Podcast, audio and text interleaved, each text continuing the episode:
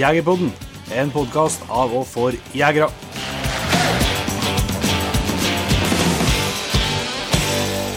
Varmt velkomna til en helt ny episode av Jegerpodden. Eh, Hør på å savne svenskene så gærent nå at en må nesten prate litt svensk. Ja, det er en ny fredag, ny episode. Det er det. Og dagens episode er en, eh, en episode vi har gledet oss på lenge og lag. Eh, Vi laga i fjor vinter en episode i lag med en Randulf Valle mm. fra podkasten Uteliv. Der blir laga en episode om eh, Oddbjørn Lindsetmo. Yes. Eh, og den ble jo veldig godt mottatt. Og da snakker vi jo om en kar som en Randulf har brukt eh, mye tid på å skrive bok om, som heter for Hjalmar Dale. Eh, og nå har vi endelig fått uh, laga en episode lag med Randulf om eh, det, og få litt eh, mer innblikk i ja, hvordan han har fått til å lage den boka om hvordan personen Hjalmar Dale var, og ikke minst pelsdyrjegerlivet i, i den store villmarka i Canada. Stemmer. Det er rett og slett bare gresset. Det tror jeg. Eh, Men vi bruker jo å prate litt eh, før vi slipper til gjesten Jon Inge om eh, hva som rører seg i og rundt Jegerpodden. Og i morgen så er det en arbeidsdag som jeg gleder meg litt ekstra på. Ja, det blir stas, det. Vi skal rett og slett på akevittsmaking. Akevittsmaking.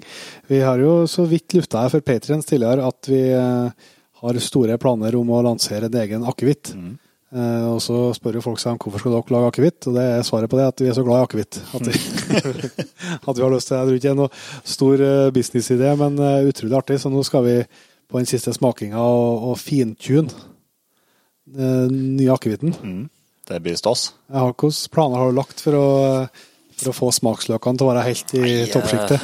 Jeg vet ikke. Jeg tror jeg må, jeg må eh, bruke resten av kvelden her og morgenen på å finne ut hva man eh, gjør for noe, for om man skal være sope inni mett, eller tror- tror... det er mye salt, kjøtt, nei, salt før, kanskje. Jeg vet ikke. Ja, må ikke være soping i hvert fall, for da går det så fort før, før smakinga er over. Altså, det blir artig. Jeg skal jo så komme tilbake til Jegerpodden. Vi skal jo være forsiktige med å ikke gå for langt når det kommer til reklame, for sånt, men eh, det er lov til å fortelle om prosessen og at det er på gang. Det har vi sjekka ut. Så skal vi jo komme tilbake når det etter hvert er klart med navn og litt forskjellige forskjellig snadder som vi jobber med.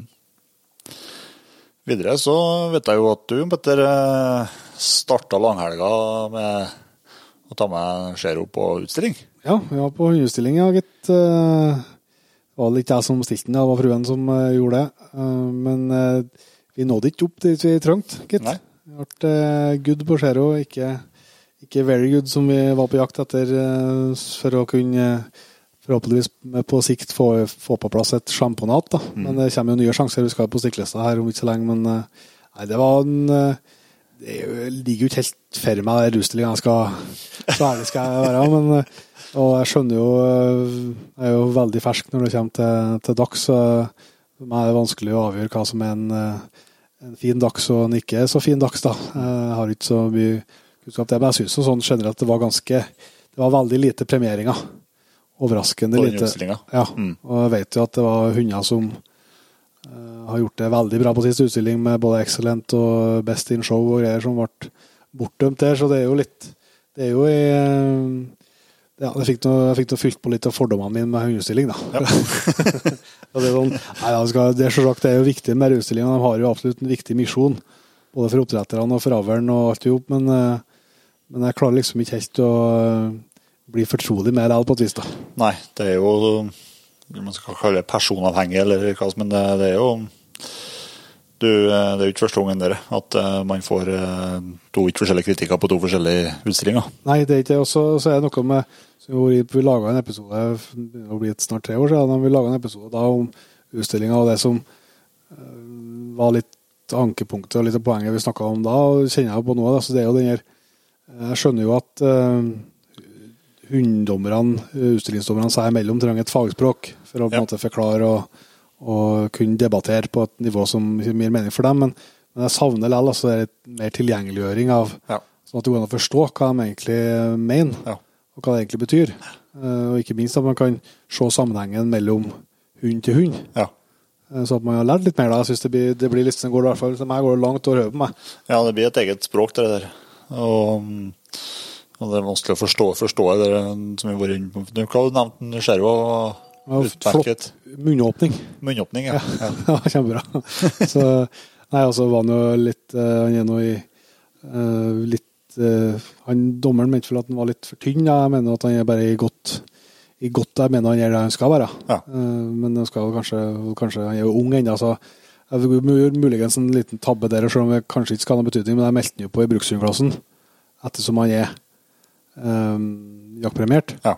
Så kan jeg gjøre det, men jeg kunne jo ha meldt den på i unghundklassen, i juniorklassen, eller hva det heter. Ja. Og da hadde han fått godt mot, mot eh, andre i sin, som er på samme utviklingsstadie, for han er jo ikke ferdigutvikla sånne muskler og sånt ennå. Så, men, men. Det, var noe, det blir jo nye sjanser, så jeg tror at eh, vi får uh, dratt i land en eh, very good neste runde. ja, du skal ikke klage så mye, du som eh, bare kan stå på sidelinjen og se på at Helt. fruen gjør jobben. Helt riktig. Eh, Så tenkte jeg at vi skulle jo eh, nevne eh, Vi har jo en nettbutikk som mange av Jegerpodens lyttere er flinke til å bruke, og det setter vi jo selvsagt veldig stor pris på. Nå holder jeg på endelig å komme til inn en del varer igjen. Vi har vært ganske utplukka. Det er mye, men nå både kommer det nye varer, og lageret blir fylt på med varer vi har hatt tidligere. Så er det noe du spekulere på om du skal ha tak i som du tror vi har på nettbutikken, så sjekk nå gjerne det ut. Nå fylles det på mer eller mer daglig her.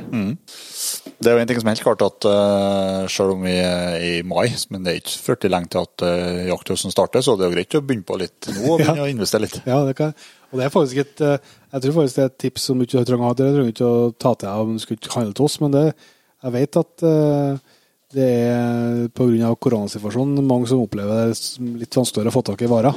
Og til dels mye vanskeligere hos, på enkelte ting. Så det trenger ikke å være et år det er dumt å være tidlig ute her, altså. Stemmer. For eh, det har skjedd eh, ting i verden med båter som har stått fast, og, og en viss eh, ja, epidemi. Pandemi heter det vel. Sånn at eh, det kan være verdt å notere seg eh, i hele bransjen, tror jeg. Mm. Men skal vi bare runde av eh, smalltalken her og så sette over til Randulf og historiene om en Hjalmar Dale? Det gjør vi. Da er vi igjen samla rundt bordet og fått på oss en Randulf Valle. Velkommen eh, både til Jegerpodden og til din egen podkast. Jo takk, det er litt sånn ny samsending eh, Yes. det her. Det var jo, funka jo riktig fint eh, forrige gang da vi snakka om Oddbjørn Lindsetmo. Absolutt. Veldig mye gode tilbakemeldinger på den eh, praten, ja. Ja, det var nok eh, mange som oppdaga en, eh, en litt sånn glemt forfatterskatt. Absolutt. Jeg tror det var mange, mange bokforhandlere som, eh, som begynte å slite litt med å finne tak i bøker òg, for det var, var etterspørsel. At det kom i hvert fall mye tilbakemeldinger til oss om hvor det gikk an å få tak i bøkene. Ja, nei, det, så Jeg sjekka jo antikvariat.no. og Det gikk fra ganske mange tilgjengelig til ingen tilgjengelig veldig fort. Ja, så det er bra. Ja, så, Men Nasjonalbiblioteket på nett, nb.no, det er jo alltid en eh, klassiker for å lese litt eldre bøker.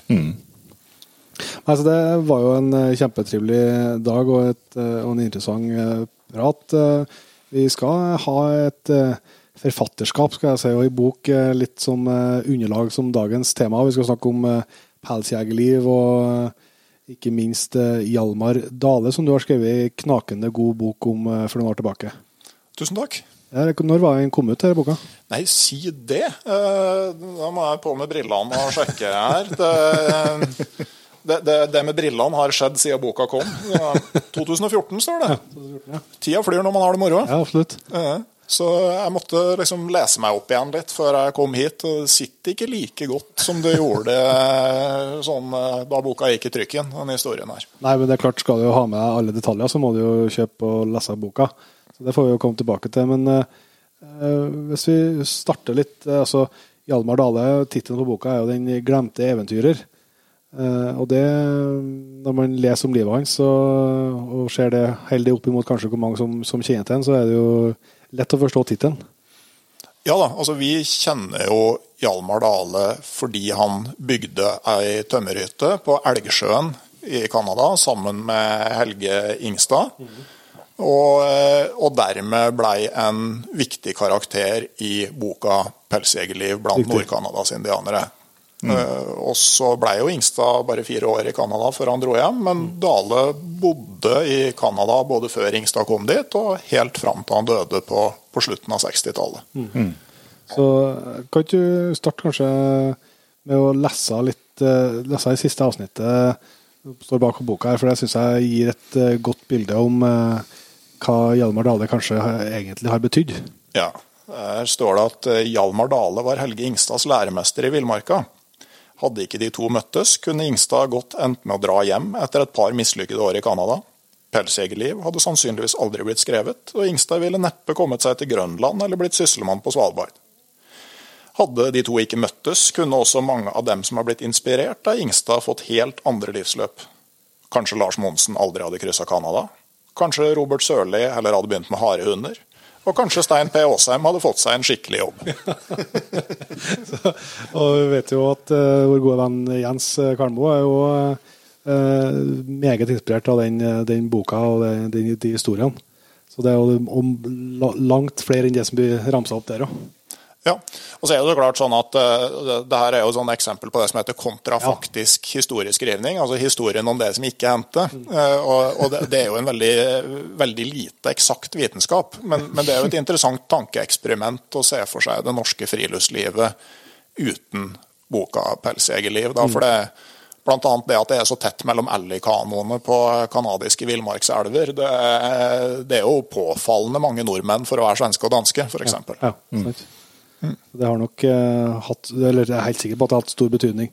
Men uh, for uh, oss som har lest uh, Pelsjegerliv, og sikkert mange som hører Jegerpodden, har gjort det og drømt seg inn i de historiene, men det er jo ikke sånn at det var Hjalmar Dale og Helge Ingstad som var de første pelsjegerne i Canada, på langt nær.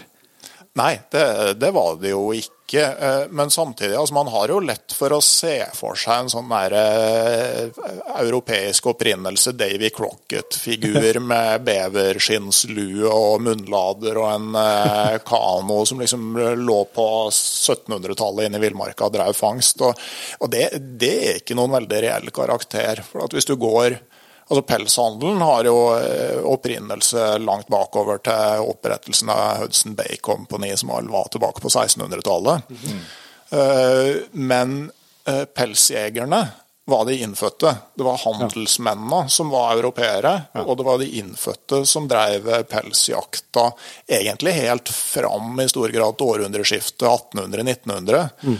Eh, så vidt jeg husker, etter gullrushet i Klondyke, så var det en del som ble igjen i nord og begynte med pelsjakt. Ja. Og den pelsjegertidas gullalder var faktisk en ganske kort periode, altså på en sånn 30 år omtrent.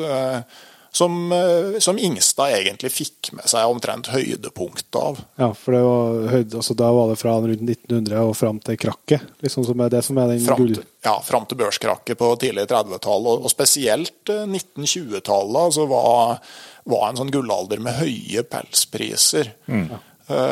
det var jo en industriarbeider i Canada på den tida, tjente omtrent 1000 dollar i året. Mm -hmm.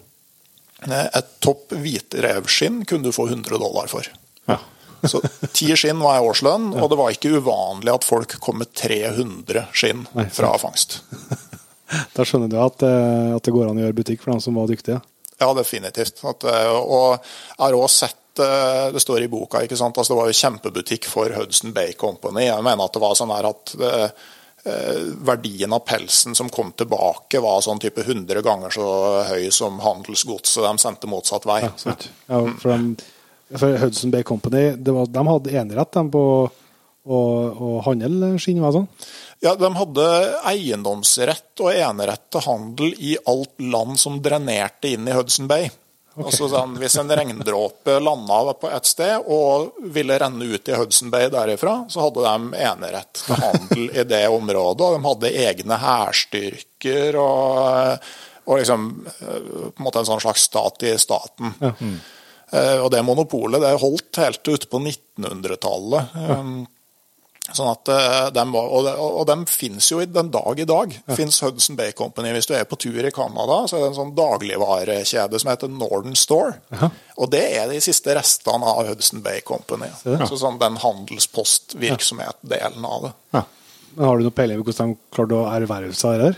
Altså, hvordan kunne uh, det, var, det var en sånn gruppe velstående briter som danna dette selskapet, sikkert. Og sånn, bare noen som eh, ja, kanskje hadde vært på fylla med kongen eller et eller annet sånt. Da. Mente at eh, Canada kanskje vi skulle gjøre noe ut av de greiene der. Altså, Øl Bismarck som sa at den som vet hvordan lover og pølser lages, får aldri senere en god natts søvn. Så jeg vil anta at eh, Det var ikke noe mer sånn høyverdige ting her. altså Bare noen som danna et selskap og sørga for å skaffe seg enerett. Ja.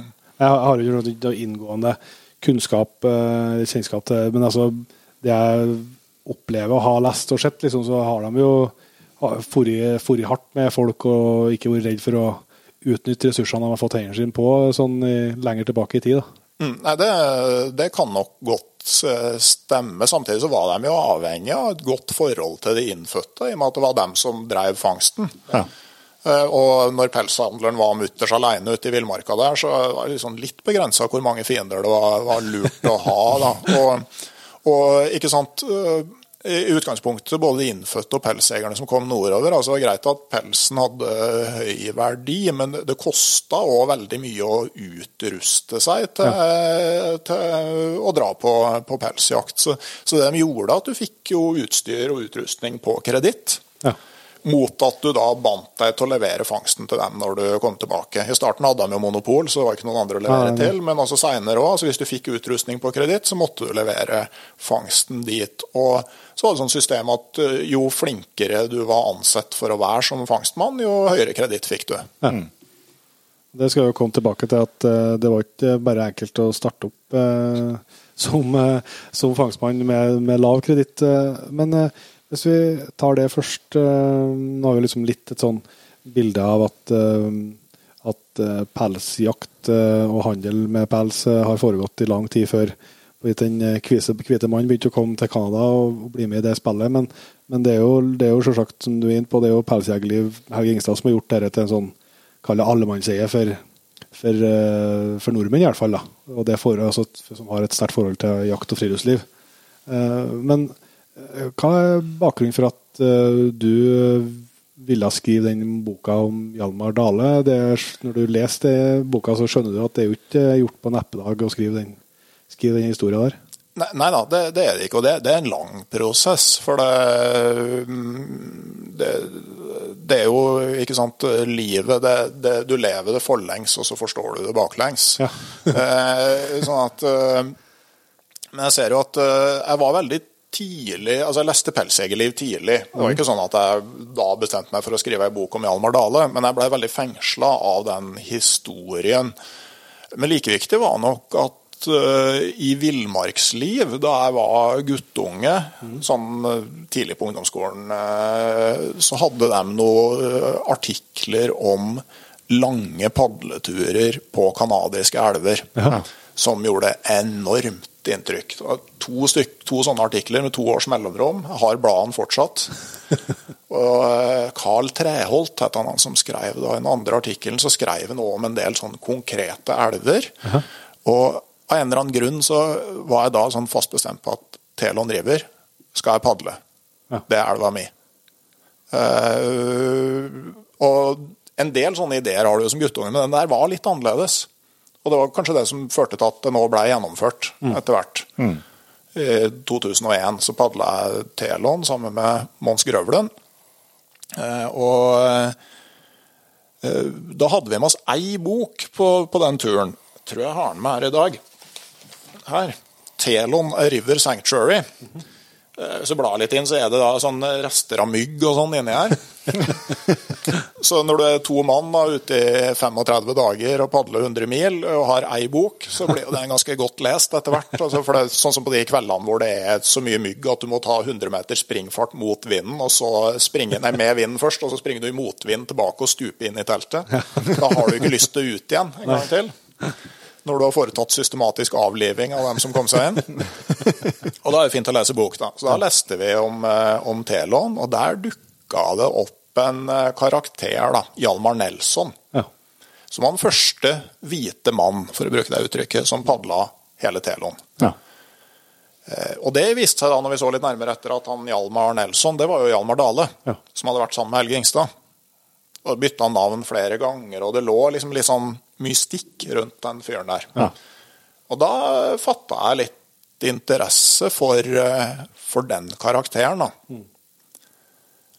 Som gjorde at eh, Og så ble det flere turer til Canada. Jeg ble mer og mer interessert i historien borte der.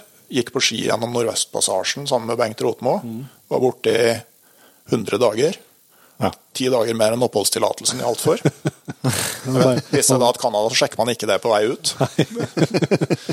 Eh, så, eh, og- liksom sånn historien om oppdagelsen av Nordvestpassasjen og sånn var jo noe som er ja, både urbefolkninga og oppdagelsen var liksom interessant. Så da, etter hvert så begynte jeg å tenke at jeg skulle prøve å grave litt i mer det med, med Hjalmar Dale. Ja. Og kom veldig fort i kontakt med en kar fra Tromsø, Ole Petter Rekvik.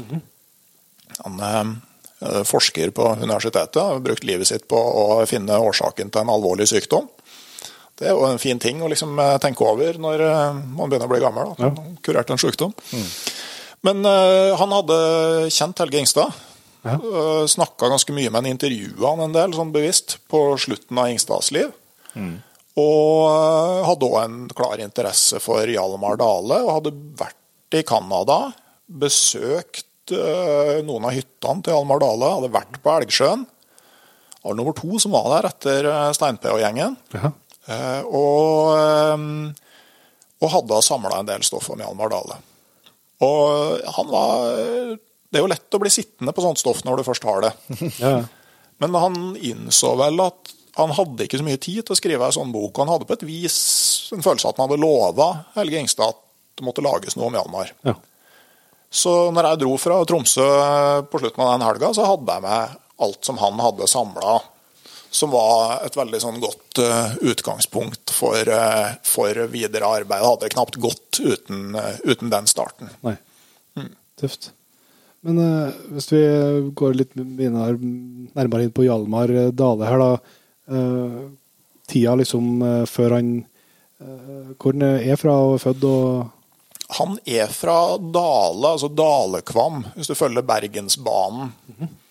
Eh, Så eh, det er jo der dalegenseren lages i dag. Ja. Det er industribygd som ligger oppunder noen skikkelig bratte fjellsider. Ja. Han var en i en stor søskenflokk. Og eh, det var jo liksom arbeid på fabrikken som var muligheten i Dale, men det var òg ei bygd hvor veldig mange utvandra. Ja. Og eh, det er jo sånne ting som jeg ikke helt husker tall på nå, men Ja. altså, av de søsknene så var det de fleste utvandra. Jeg tror det var seks av ni eller et eller annet. Ja, meg, noe sånn. og, og Hjalmar var da en av dem som eh, i ganske ung alder, og før han fylte 18, Mm. så, eh, så satte han seg på båten og dro til USA. Ja. Um, før det så hadde han jo polio. Poliomyelitt. Mm. Mm. Var lamma i beina. Det var jo en uh, sykdom som ramma ganske mange. og klart I de arbeiderboligene så var man trangbodd og uh, lett for sånne ting å spre seg. Det er ikke så enkelt å opprettholde avstand og rett kohort. Og... Nei, det, det var det nok ikke. Det, så, men han lærte seg å gå igjen, da. Eh, Fikk i bruk alternative muskler og kom seg på fotene igjen. Og, Men, det var noe han merka resten av livet? Altså var noe halvt eller et eller annet? eller? Ja, det er noen som har sagt det, da. At, øh, at du kunne på en måte se at han gikk litt rart. Men uh, det er jo litt sånn uh, når du intervjuer folk altså Idet du har på en måte kommet med en sånn opplysning, så er det jo veldig lett når det er mange år siden, å liksom nikke anerkjennende at ja, kanskje han så det på han. altså det men han hadde i hvert fall vært helt lamma som, eh, i føttene som barn, og, eh, og kommet seg til igjen. og og dro til USA, videre til Canada, og begynte, så vidt vi vet, å rydde seg en gård. Ja. Ja, for at det var ikke, det var ikke pelsjakta som var, som var det opprinnelige som, som, Det var ikke det som var planen når han for over, antagelig. Nei, det, han hadde jo ikke hatt noen mulighet til å lese 'Pelsjegerlivet' blant Nord-Canadas indianere, i og med at det enda var en del år til den boka skulle komme ut. Så, eh, så han eh, Det var en sånn standardfrase med mulighet for bedre fortjeneste. Jeg tror du kunne antagelig en sånn avkrysningsgreie på hvorfor du dro, da, men det var rett og slett eh, større mulighet for et bedre liv. Eh, og vi vet vel at han registrerte seg for en sånn homestead. Altså du kunne få en bit med jord mot at du da eh, liksom braut land og, og satte opp et sted å bo. Ja. Og en del av de plassene eh, i Canada her, så var det såpass dårlig jordsmonn at homestedene var dobbelt så store som andre steder for at det skulle gå an å leve av det. Ja. Så der var jo et uh, temmelig, temmelig Hardt liv, hardt liv. ja. Det her med å bryte land, det er for hånd. Um, så noe, så noe brev som farfaren min hadde skrevet til søsknene sine. Liksom sett for meg altså Farfar han jobba hardt et helt liv. Ja. Ja. Men sjøl han skrev liksom at på 30-tallet han håpa på Ishavsplass, men det ender nå vel med at jeg må bryte land, samme hvor ilt jeg nå liker det. Det, og det, det var jo nesten litt sånn befriende da, å se at sjøl for han så, så han forsto det var nyttig, men det var ikke noe moro. Nei. Det, var brutal, eh, brutal hverdag, ja. ja. Mm. hvis, men han eh, nybyggerlivet var kanskje ikke eh, for han eh, sånn sett. Altså, det var jo soldat en periode der. Ja, første verdenskrig kom jo, og han verva seg til kanadiske ekspedisjonsstyrken. Men heldigvis såpass seint at han aldri ble sendt til Europa. Men jeg har jo sett beskrivelser andre plasser at liksom, det var en del som verva seg rett og slett fordi at ei seng å sove i og tre måltid om dagen, det hørtes ut som en såpass bra deal at du tok sjansen. da. Mm. Så han var aldri liksom i skyttergravene. eh, Nei, Han kom aldri til Europa. Altså Bare den overfarten med ubåtkrig og sånne ting var jo ille nok. Eh, Nei, så har, eh, har liksom papirene hans fra det ekspedisjonskorpset. Det er jo sånn du kan finne på nett og, og bestille. Eh, Men andre sånn eh, kanadiske pelsjegerveteraner som dro over og havna i kamp. En, en spesiell karakter, John Hornby, som, eh, som eh, Ingstad også beskriver. Han eh, slåss ved Ypres, hvor eh, giftgass ble tatt i bruk for, eh, for første gang. Blant annet. Så det, og det var vel òg en sånn tendens til at britene brukte de soldatene fra liksom, de gamle kolonirikene. eh, Som kanonføde. Ja, de, de fikk ikke det nødvendigvis de enkleste oppdragene. Nei, det, er altså, du skal ikke eh, se mye på første verdenskrig-historie før du skjønner at det var til dels tøffe tak. Ja.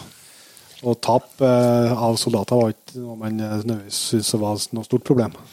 Nei, det, det ligger jo på en måte i storkrigens natur. ikke sant? Altså At det er en kalkulasjon med liv på strate strategisk nivå. altså Kan du ofre noen tusen her for å spare noen titusen der? ikke sant? Så, så det, er jo, det er jo utrolig brutalt på sånn enkeltskjebnenivå. Ja, Forferdelig.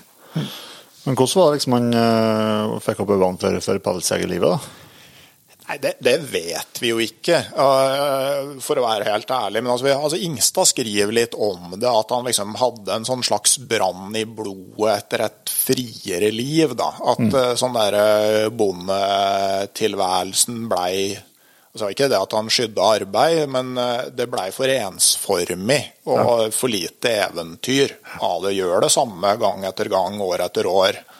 Eh, sånn at han kanskje da hadde sånn ønske om noe mer. Mm.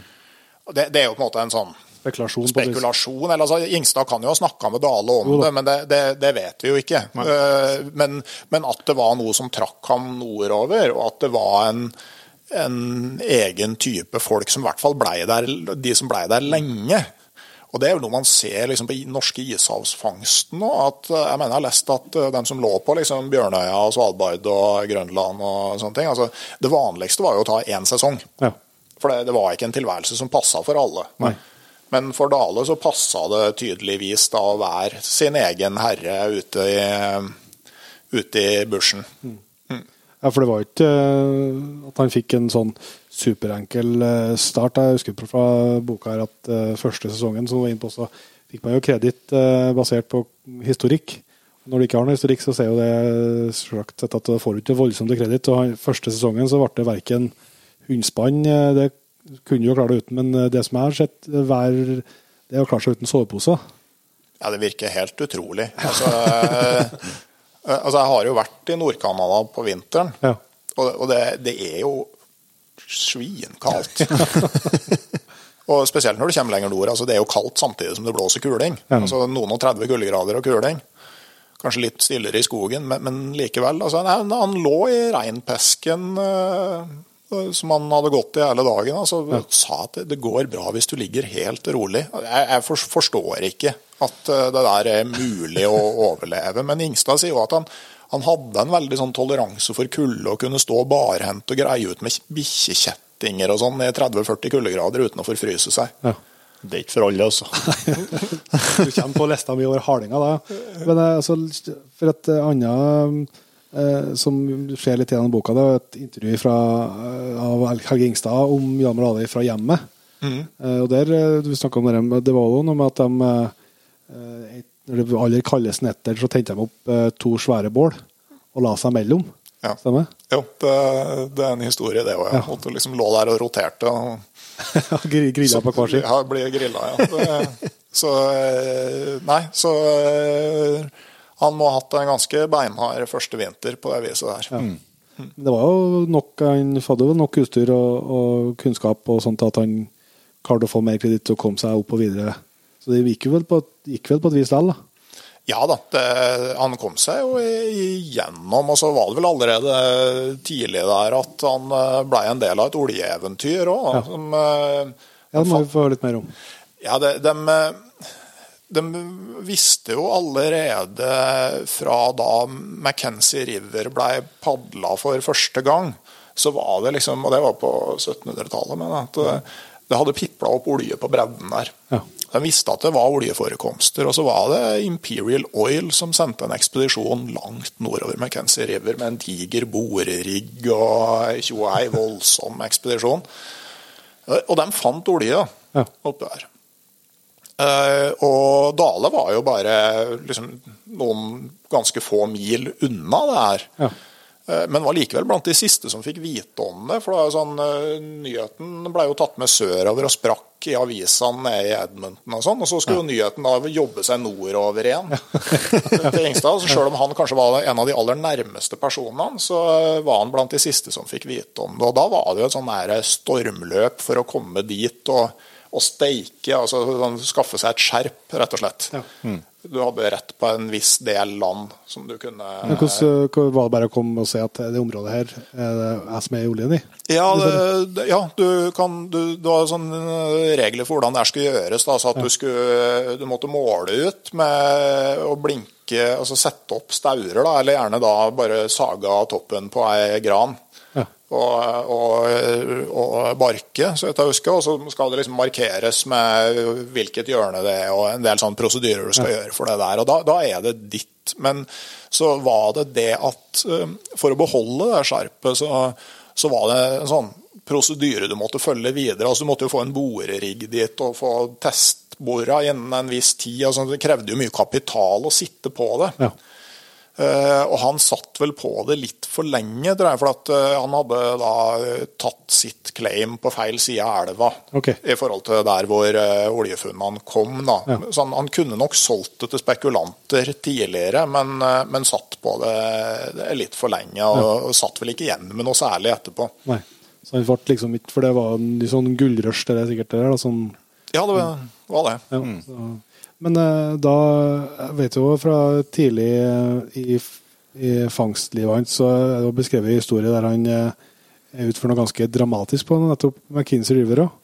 Ja, jeg vet ikke om det er akkurat på McKinsey River, men det er han fangsta i de områdene der og Altså, på, på vinteren så fanga du jo liksom måte, mår og rev og mm. sånne ting. Altså, på våren så var det beverjakt. Eh, og da gjaldt det å reise lett. Uh, Seig til å gå og god til å sulte, av eh, hovedegenskapene. Men han eh, brukte kano, da, og og Ingstad beskriver jo veldig sånn skildrende og malende hvordan han eh, driver og padler nedover ei elv med drivende isflake i, og det her går jo gærent, da. Så han eh, velte, og det var ikke noe sånn forskriftsmessig EN-godkjent redningsvest eh, der. Så det var temmelig hårfint at han kom seg på land, men altså, kanoen var jo borte rundt neste sving, og fangsten var borte, og utstyret var borte, og det var langt til handelsposten. Så han, eh, så vidt jeg husker, så stappa han klærne full av mose for å tørke dem og la seg sove under ei gran litt, grann, og så var han å bare begynne å gå. Det, og var vel eh, slank og fin når han kom fram til handelsposten, da, men, men høyst i live. Sommerkroppen på plass. ja. Definitivt. Men det som irriterte han mest, var at han hadde hatt med kamera. Han hadde tatt noen bilder av en bever som gnog på et tre, da, som hadde kommet så tett innpå. Og Kunne visst mange år seinere riste på hodet og si 'makeløst fine bilder'. Men ganske imponerende likevel. Altså med, og liksom, om man utfører, utfører sånn, og mest fangst og utstyr alt i hop, og så likevel bare ha en drive til å fortsette med, det, med eventyret. Ja, og det, og det tror jeg for, for dem som liksom blei der lenge, så var det mange som hadde sånn type opplevelser. Det, det er en veldig fin bok, jeg har ikke tatt med den i dag, men som heter 'Those Were The Days That I Lived and Loved'.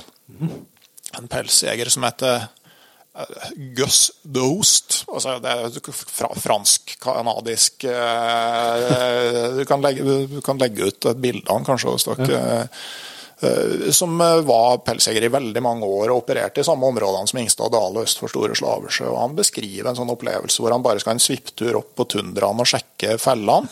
Så han tar med seg en gammel skjemt øks og et par bandox, og det er vel omtrent det. Ja. Og så kjører han seg vill med hundespannet. Jeg mener han er på farten i over ei uke før han da kommer ned til handelsposten på Store Slaversjø. Ja. Og mer død enn levende. altså Han har ikke knapt sovet, for det har vært så kaldt. Ja. Uh, og eh, holde seg vel i live. De fant et kadaver som ulven, da, som ulven hadde avliva. Så, så, men så får han da tak i noe nytt utstyr på handelsposten. og mener han skal i hvert fall finne tilbake til leiren. da. ja, dere skjønner jo åssen det går. Da mener jeg det var sånn 14 dager seinere at han eh, kommer tilbake til Store Slavesjø og har liksom, nå er enda nærmere å dø. og den leiren ble aldri funnet igjen. Nei. Det, det var liksom altså Alt utstyret, all fangsten, Ja. alt sammen, søkk borte. For evig. Helt utrolig. Ja. Det ser jo også det ser jo slått mye, men òg hvor vanvittige områder det er snakk om. da. Store områder med veldig få altså Det er veldig sånn bølgende tundralandskap. Veldig få skikkelige holdepunkter. Og veldig sånn småkupert og, og liksom Det er ikke noe sånn veldig mye sånn tydelige tegn. Nei. Spesielt ikke på vinteren, da, når du ikke Nei. har elver og eh, sånn å navigere etter. Det er ikke noen landemerker. Du kan, kan, du kan ta dere altså, Når du snakker om det, dere eh, hvite flekker på kartet og så, og så Hvilke bilder har du som har både vært i Canada sjøl og, og prøvd å sette deg mye inn i historien til, til de som, som drev på den tida? her? Altså, hva, hva hadde hva egentlig om det villmarka som de opererte i? Altså, Hvordan kartmateriale fantes? Hvordan lå, det an liksom, på 20-tallet? Det fantes jo nå, men det var hvite flekker på kartet. Definitivt. Altså, når Ringstad dro inn øst for Store Slaversjø sammen med Dale, så var det altså, Det fantes jo litt kartmateriale, men eh, man kunne ikke stole på det. Eh, og en del felter var helt hvite. altså Det var jo gjerne sånn der belter langs større elver og sånn som var kartlagt. Mm. Og når du kom opp i Nordvestpassasjen, så var jo veldig mye kartlagt. For der var det en stor britisk ekspedisjon som forsvant rundt 1850. Mm.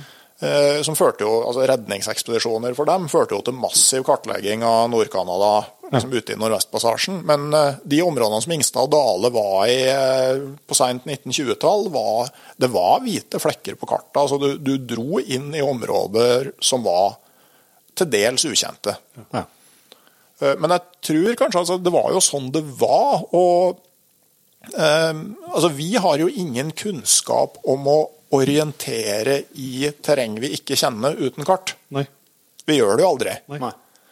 Men for dem så var jo det noe de hadde øvd på.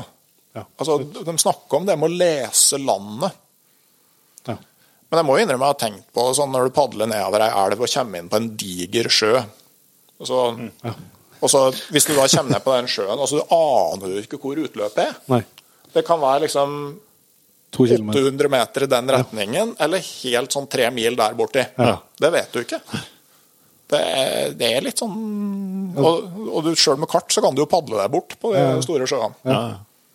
Jeg så jo, eh, så jo bare sånn eh, Jeg hadde jo det vi har sett på TV-en fra Jens når han var i Canada. Han drev og padla den første runden der, så, så han hadde med seg veldig eh, veldig kort i stor målestokk. da. Og da er jo mer enn det, er litt, det er jo kalkulert eh, gambling du må gjøre da på om du skal ta den eller den eller den. Ut ifra det du klarer å se. Men når du tar nå holdepunkt sånn, så er det, det er ut, utrolig fascinerende. Altså. Ja. Nei, Men samtidig så var det jo noe de øvde seg på. Altså visste man ikke noe annet. Nei, det er helt klart. Så det, selv om det, det, det, det føles jo helt eh, ja, Det føles jo helt umulig å gjøre det i dag. Ja, det, er, jo- det er jo umulig. på et vis, altså, Du kan jo bevisst velge ikke se på et kart, selvsagt, og dra på en ny plass, men, eh, men likevel så, så er jo rammene helt annerledes når det allerede er kartlagt. Ja da, det, det er det jo. Så det er jo klart, Du kan jo velge å la kartet ligge igjen hjemme og dra et sted du aldri har vært før. Det, altså, først og fremst så tar jo ting mye lengre tid. Ja. ja. Du må være mye mer nøye i, i observasjonene sjøl, ja. Ja, liksom, ja og, og godta at du bommer. Ja. ja. Godta å Mostrøms. Ja. Eller i hvert fall tilbake. Ja. Ja, så, samtidig så har man jo tida til å, til å utforske òg, på et vis. Ja, da, da hadde man jo maten som på en måte var Ja. begrensninga tidsmessig. Men så hadde du jo helt andre muligheter til å, til å hente maten på stedet. Ja, Ja. klart det. Men hvis vi holder tak litt i tidslinja her, Randulf. eh, Når, eh, når var det Helge Ingstad var i Canada? Uh, han kom vel i 1926 uh, og blei i fire år. Ja. Og så var, men det var rundt 1920 at det første sesongen som pelsjeger var for Hjalmar Dale? Ja, men det var lite grann før. Men det var ja. sånn på slutten av ja, sånn rundt uh, 1918-1919. Ja. Men eh, hvor eh, Vi skal gå mer tilbake til, til det som er eh, omtalt i, i Pelsjegerliv eh, når de fangsta sammen. Men hvor eh, var han, hvor, i hvilke områder var han fangsta i den perioden fra han begynte til han, til han og Helge Ingstad slo selskap? Det, det vet vi bare delvis. Men han var en del langs Mackenzie River. Store elva som renner ut av Store Slavesjø, og så hele veien ut til Ishavet. Gigantisk flod, rett og slett. Og, og det, altså Hudson Bay Company den brukte jo vannveiene til transport. Så at eh, det var jo naturlig at eh, nedover langs McKenzie River så kom eh, de, mange av de tidlige handelspostene. Ja. Eh, og dermed så var det òg naturlig å drive pelsfangst der. Eh, men der blei det jo òg etter hvert ganske folksomt. Det blei stadig flere hvite pelsjegere. Ja. Så det ble mye press i de områdene. Og, og ser jo at liksom, sjøl om det ble mange flere pelsjegere, så gikk fangstene ganske kraftig ned. Ja. Mm. Sånn at eh, på et eller annet tidspunkt så begynte jo folk å se seg om etter nye områder. Mm. Og, og da, noe av det som ble åpna, var jo de områdene øst for Store Slavesjø. Mm. I stedet for å padle vestover fra Slave River og ned McKenzie, så dro de østover inn i East Arm og inn i de områdene inn mot Telons kilder. Det liksom men der var det veldig få da, som dro. Det var villere og tøffere. og Det var liksom bare en håndfull eh, av de hvite pelsjegerne som dro den veien. Men det sa, sa vi ikke om i starten, her, men hva, en ting var jo både utstyret som vi måtte eh, anskaffe seg for å kunne være pelsjeger, men hvordan eh, var det liksom med tillatelser og sånt? Vet du noe om det? Altså, var det bare å begynne på et område, eller måtte du liksom ha et avgrenset område du hadde fangst innafor? Nei, altså I starten så var det jo relativt fritt. Du, du måtte ha trapper-lisens. Eh, og når du hadde den, så kunne du jo liksom både fangste pelsvilt, og du kunne jakte elg og rein og eh, det som var. Men så eh, relativt fort så blei det en del fredingsområder. Eh, Det blei ja, viltreservat og, og sånn forskjellige sånn game reserves. Da, sånn at eh, allerede i løpet av 1920-tallet så var det ganske mange plasser du ikke hadde lov å fangste, som kanskje var eh, forbeholdt urbefolkninga. Ja. Og et stort område langs Telon, eh, Telon Game Sanctuary, som blei ble freda for jakt primært pga. moskusen. Jaha. Ja, for, for den stiller seg jo i karé, ikke sant? Altså med, i ring med hodene ut eh, for å forsvare seg, og det er jo ganske effektivt mot ulv, men ikke riktig så effektivt mot skytevåpen. Sånn at uh, den moskusbestanden falt jo veldig etter at uh, skytevåpnene uh, ble, ble innført. Så der, der ble oppretta et område omtrent på størrelse med Sveits i løpet av 1920-tallet, som var viltreservat. Og, Og eksisterer fortsatt, eller? ja, det eksisterer fortsatt. Og det samme altså, utover eh, 20- og spesielt utover 30-tallet så blei det ganske mye restriksjoner. Etter hvert så blei det jo sånn at eh, det var bare dem som hadde hatt trappelisens før, som fikk det på nytt. Og, det kanskje måtte, altså at det blei mye strengere med hvem som slapp til. Det var ikke, var ikke plass til alle, rett og slett. nei. For det er klart, du, det- det er begrensa hvor mange som kan fange 300 hvitrev i året samtidig, før det skjer noe. Selv om det er Canada, ja. Ja, sjøl om det er Canada. Det er. Så altså, hvis du har liksom 100 stykker som fanger 300 hvitrev altså, Beveren ble jo virkelig hardt beskatta. Og beverskinnene var jo det som var viktigste pelsviltet veldig lenge. Ja. Og det var ikke bare viktigste pelsvilt, altså, det var jo, det var myntenheten. Altså, beverskinnene var jo det alt annet ble målt opp mot. Ja. Altså, hvor Munnladerifla kosta jo like mange beverskinn som du måtte stable opp da, fra kolben til munningen. og, eh, og det var liksom sånn, et ullteppe kosta fire beverskinn. Skulle noen spurt meg om hva skal du med et ullteppe hvis du har fire beverskinn? Det var jo tid det var enklere å forstå økonomien. da. Enklere, det koster den staben det koster så høyt. Ja, Men så beveren, den både jakta dem og, og fangsta dem med, med fella, eller? Det vil jeg tro. Jeg kjenner ikke det i detalj. Altså, Ingstad beskriver det jo veldig som en sånn riflejakt. eh, Som vi kjenner i dag. Ja. Sånn uh, at det er mulig at det var raskere, vil jeg tro. Altså når, uh, når du fant en- et beverhus, så var det kanskje den raskeste måten å få, Få tak i dem, ja. på. Eh, Men det var jo liksom på samme tid at beveren omtrent forsvant fra Europa. Det var omtrent bare i Telemark det var igjen europeisk bever. Ja. For det var jo sånt sånne filthatter som var veldig moderne, som ble lagd av de underhårene i beverpelsen. Ja. Så det var dårlig for beverbestanden. Det også eh, etter fastetida, eh, da hele Europa var katolsk, så kunne man bare spise fisk i fastetida. Kunne ikke spise kjøtt. Men beveren den levde jo i vann, så de definerte den som fisk. Så det førte til at beveren forsvant fra Storbritannia, jeg tror det var så tidlig som 1300-tallet. Det var eneste måten å få seg en kjøttmiddag på i fastetida. Ja, det må gjelde å tenke kreativt. Men jeg har på meg at det ble brukt noe av eh, den altså, kjertlene eh, bak beveren som har brukt til noe medisin og sånn. da. Ja, det og parfyme, ja. Ja. Bevergjeld. Det var en eh, ettertrakta, ettertrakta art på mange måter. Ja. Men for dem, men for eh, dem som var pelsjegere, så var det pelsen de leverte. De tok ikke eh, resten, liksom. Det vet jeg ikke. Det, men eh, først og fremst, så vidt jeg har forstått, så var det, var det pelsverket som var interessant. det. Var butikk. Mm. Men hva Hvordan den sesongen, da? Hvordan liksom, arta livet seg altså, når han etter hvert har begynt å komme inn i dette som, som en levevei? Når liksom starter når må de liksom starte med å forflytte seg for å komme seg ut i områdene? eller Hvordan, ser liksom året ut? Jeg tror nok at sommeren var relativt rolig, i hvert fall hvis du hadde hatt en god vinter. Ja. Så kunne du, du kunne jo ta jobb for Hudson Bay Company. Ingstad beskriver liksom at du henta en hogg ved, eller fiska, eller gjorde et eller annet sånn arbeid for Hudson Bay Company. Men hadde du hatt en god sommer da, og fått inn 30 årslønner, så var det ikke sikkert du gadd å jobbe så mye. Nei. Eh, Og så var det jo når det blei høst, så var det da å fylle kanoen med utstyr. Og Det er jo sånn type september, liksom? eller? Vil tro det. Eh, August-september. Og, og begynne, sikkert litt avhengig av hvor langt du skulle. Ja. For da gjaldt det da å komme seg inn i fangstområdene. Og hvitreven var jo ute på tundraen, og dit var det langt.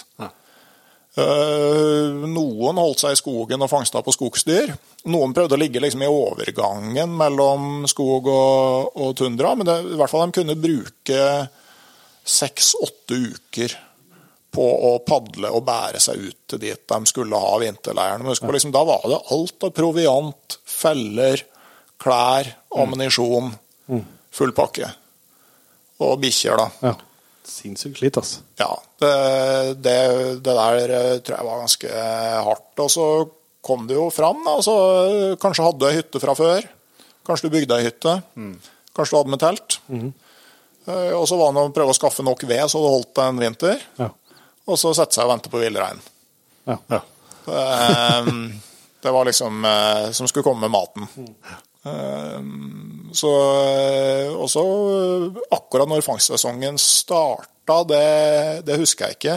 Men det gjaldt over mange som hadde litt is i magen hvis de var alene og venta liksom til nærmere jul på at vinterpelsen skulle bli på det fineste før de begynte å fange. Og så var det jo å fangste utover vinteren.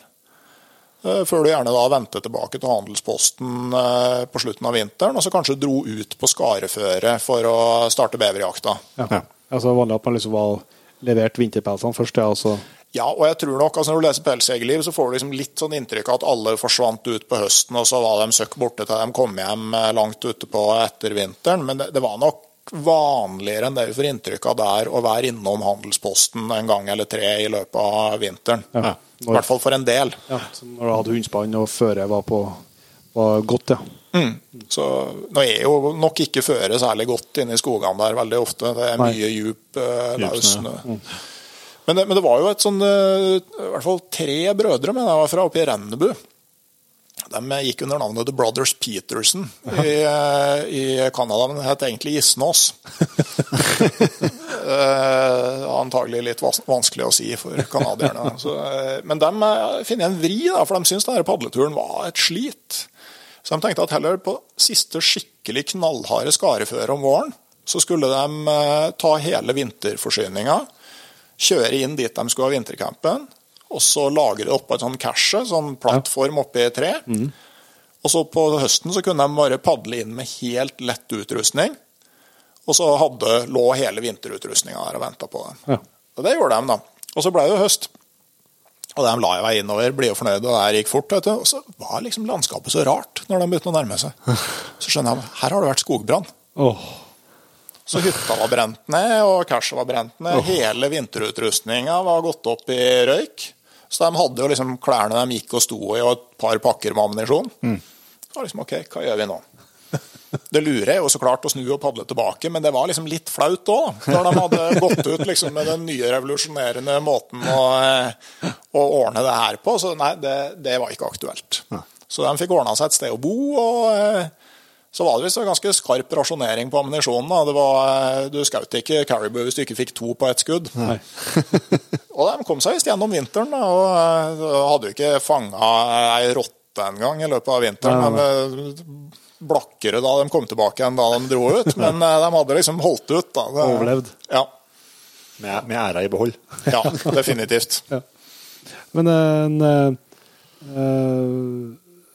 liksom hverdagen her, da, jeg skjønner at du ikke har prata med Hjalmar Dale om eh, det, men eh, det er jo sikkert ikke så stor forskjell da, for fra det vi vi snakka med en igjen, om hvordan eh, metodene endra seg med at man har tilgang til snøscooter og sånt, men, men altså, det var sikkert en sånn type trapline de eh, holdt, måtte jobb for å holde åpen gjennom, gjennom vinteren. da. Ja, Ingstad beskriver, han har vel et sånt kapittel som heter 'Svarte døgn av de mange', eller noe sånt, eller, eller det fra Grønland. Han har i hvert fall et sånt eh, kapittel hvor han beskriver liksom en vanlig dag. Ja.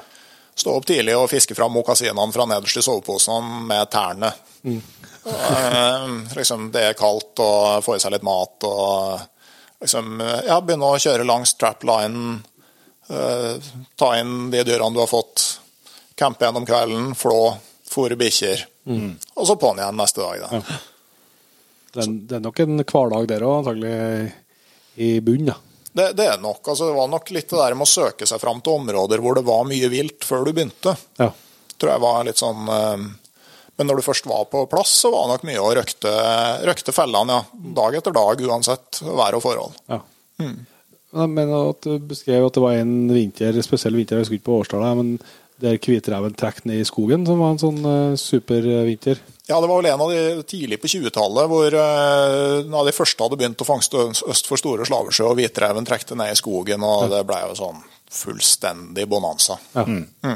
Der eh, alle fikk, uh, alle fikk, det mest, fikk tak i det mest verdifulle. Ja. Um, men eh, jeg leste òg om at han eh, Det er vel også Ingstad som har beretta det, men at han var eh, ivrig bjørnejeger og godeste Dale.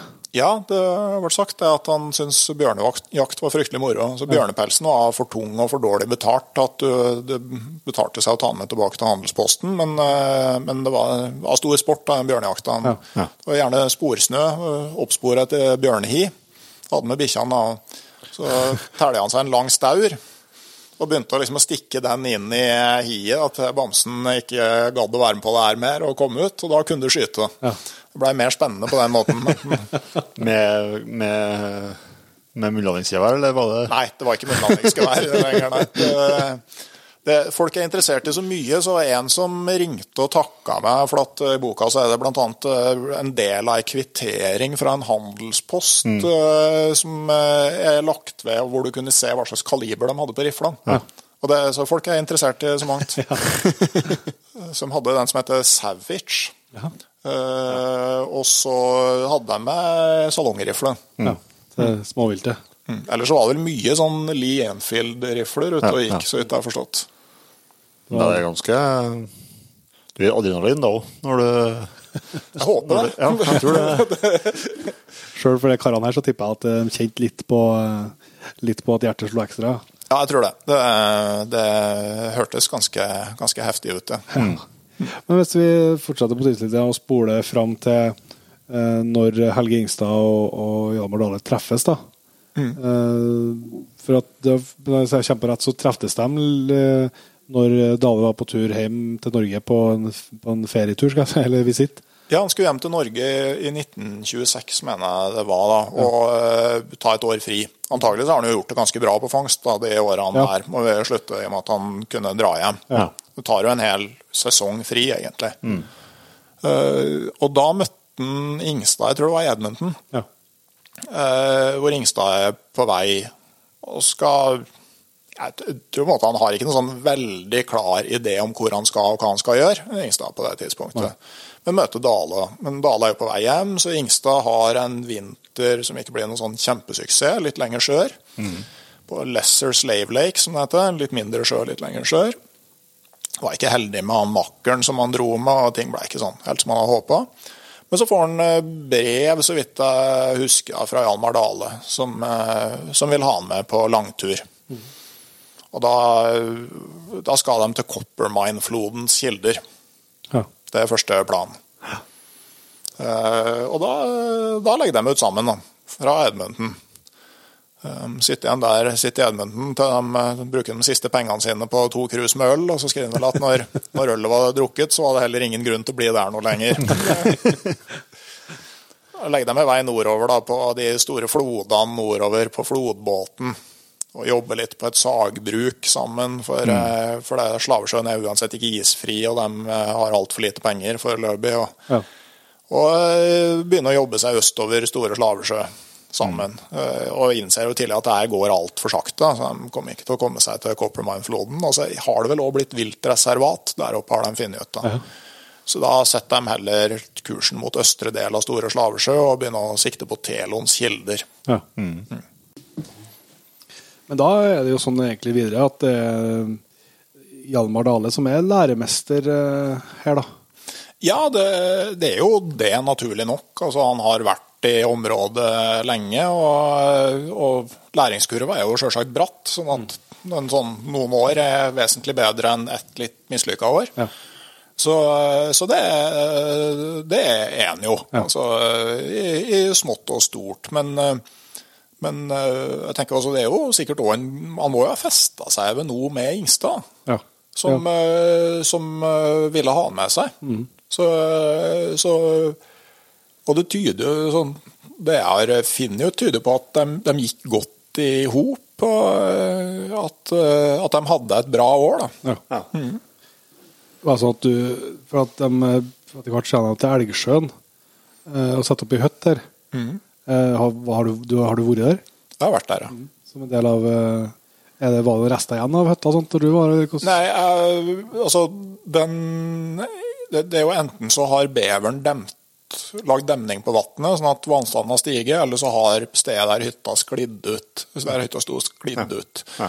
Sånn at uh, hytta er ikke, eller var ikke der da jeg, jeg var der i 2005. Ja, men du så restene av tømmerstokkene, og du kunne finne liksom sånn seilduksrester av antagelig av kanoen. Ja.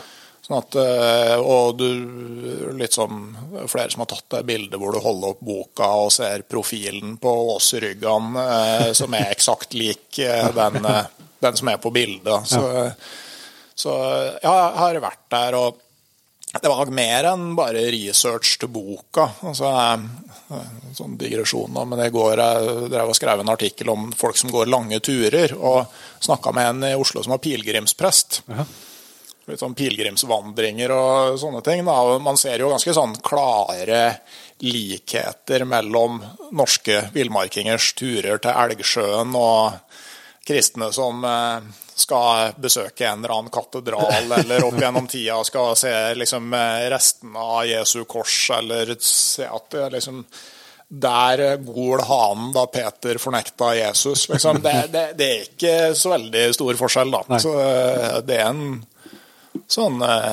definerende plass da, som, er- som er litt sånn spesielt å være på. Ja. Hvordan for du, fløy du ut dit, eller var det Nei, jeg, jeg var jo der, eh, besøkte han Ole Petter, da, som jeg hadde fått uh, info om uh, Dale fra. Så han, uh, han fløy ut dit. Jeg kom litt samme vei som Jens, da, ned Snowdrift River, Jens Kvernmo. Ja. Det var dessverre først etterpå at jeg la merke til de tre sjøene som han fulgte gamle kanovei potensielt. da. Over til Elgsjøen. Så jeg gikk gjennom skogen. Det var, eh, det var en kronglete tur oppi der. Eh, Det var Jens som hadde snakka med noen folk i området der som mente at eh, at Jens antagelig var den, eh, en av de første som hadde vært der etter, etter Ringstad. Altså, de lokale brukte ikke det området oppi der i det hele tatt, for det var så kronglete. Det var der jeg virra gjennom òg. Så jeg kom jeg over til Elgsjøen og var der sammen med Ole Petter noen dager. Og gikk tilbake igjen. Da jeg kom tilbake, så hadde en bjørn revet sund kanoen min. Ja. Og spist repsette i tillegg.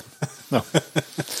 Så eh, da ble det litt sånn vrangt og vrient, så da rusla jeg litt nedover og satte opp leir og ba pent om at det flyet som skulle hente Ole Petter og kunne komme innom og plukke opp meg. og han eh, godtok det eh, på den betingelsen av at jeg skulle bruke overskriften 'Reddet av Rekvik' når jeg skrev om turen. Så han har seinere prata om eh, den gangen at han alltid må redde meg da, når jeg er ute på tur. Men hva mer kan du fortelle om altså, Mange som hører, har jo sikkert lest eh, Pelsjegerliv og kjenner det, og, men eh, den eh, sesongen de fangster i lager, da eh, er det en, det er en bra sesong? Nei, eh, det, det er ikke noe veldig bra sesong, for at de kommer ikke dit de har tenkt. Nei. De skal inn på tundraen, og, og fra østre del av Store Slavesjø så er det én sikker vei inn på tundraen, og det er det som heter Pikes Portage. Det går en sånn serie med sjøer som du kan bære mellom, og er regna som på den eneste sikre måten opp på tundraen med vinterutrustning. Og så har eh, Ingstad og Dale fått et tips av en innfødt ved navn Black Basil eh, om den gamle kanoen som skal være alternativ rute, som tar deg inn til Snowdrift River eh, over Strykan og helt inn mot tundraen. Og de bestemmer seg for at de skal prøve å følge dem, den ruta. Men, eh, og den ruta tror jeg finnes, jeg er ganske sikker på at det var den Jens Kvernmo fulgte fra Snodrift River og ned til Store Slavesjø. Ja. Daisy Dion og Robert Lake. Eh, Men for å komme dit så må du opp en ganske sånn bratt skråning, som Ingstad og Dale kalte for Bøygen. Og I stedet for å ta opp den, så begynner de å følge langs Bøygen. Ja. Og kommer til Elgsjøen og bygger hytte der, men de havner jo, de er ikke langt unna Store Slavesjø. De er liksom sånn to mil unna handelsposten på Snowdrift. Ja. Eh, og det er ikke noe særlig pelsvilt der. Og de eh, venter nå først på at det skal bli høst, og at caribuen skal komme, så de eh, slipper å sitte og spise whitefish hele tida. Sik.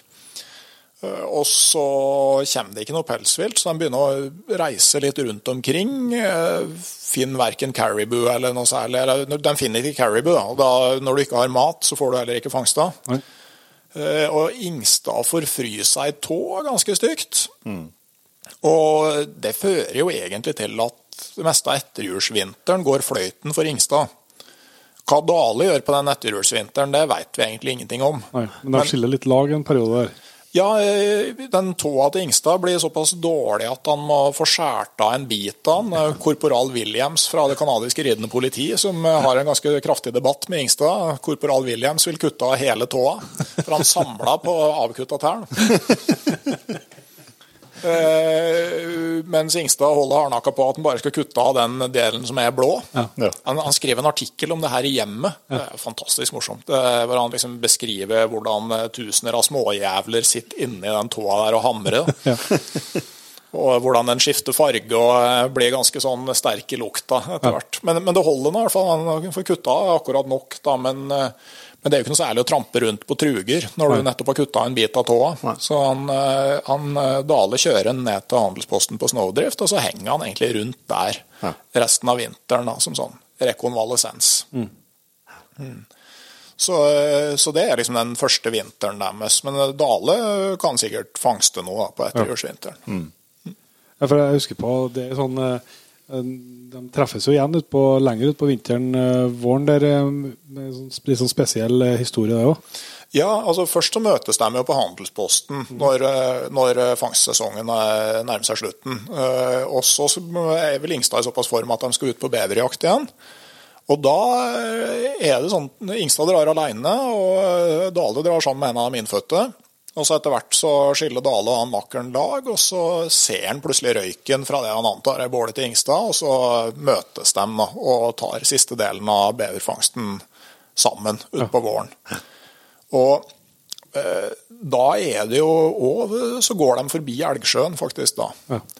Uh, og Ingstad vil innom og Nei, Dale vil innom og se åssen det står til med hytta, men Ingstad har ikke lyst til det. Det er liksom sånn litt sånn, sånn eh, tilbakelagt kapittel. Ja. Men akkurat den historien der er jo sånn litt av grunnen til at man klarte å finne igjen Elgsjøen. Ja. Eh, For eh, han Ole Petter der ble jo sendt ganske sånn langt. Han prøvde å lete etter det, men lette altfor langt ut mot tundraen i første omgang. Men så var den historien der eh, hvor eh, han var tilbake på Elgsjøen, og det var rett ved Stark Lake, som er like ved Store Slavesjø. At man liksom fant ut at men den må jo ligge mye nærmere Slavesjøen enn det vi har trodd. Ja. Og så var det jo da Eirik Sandberg Ingstad, Stein P. Aasheim og Vegard Ulvang og gjengen som, Ja. som fant det igjen. da. Ja. For, eh, altså, det var jo historier historie men det er jo gjensyn her. Men jeg har for meg kan jeg tar feil nå, men at det var, sånn- det var noe jakting eh, her òg, der eh, Ingstad skulle, han skulle skjøte seg noen bjønnunger. Og så ble det noe voldsom skyting, eh, der, men det viser at han skjøt en elg. Ja, det var det, ja. ja. At han trodde bjørnen hadde gått på Dale. Ja, for at det ble noe, ja, det var et eller annet sånn, ja. Ja. Det var noe voldsom skyting og greier, så her er- går det galt, men så var det, gikk det veldig, veldig bra da, at det ble en elg på dem. Det ble elg, ja. Det- Og liksom Elgkjøtt var viktigere enn alt. Ja, det var klart det. Men eh, når eh, liksom skiller de lag eh, på for godt, skal jeg si da?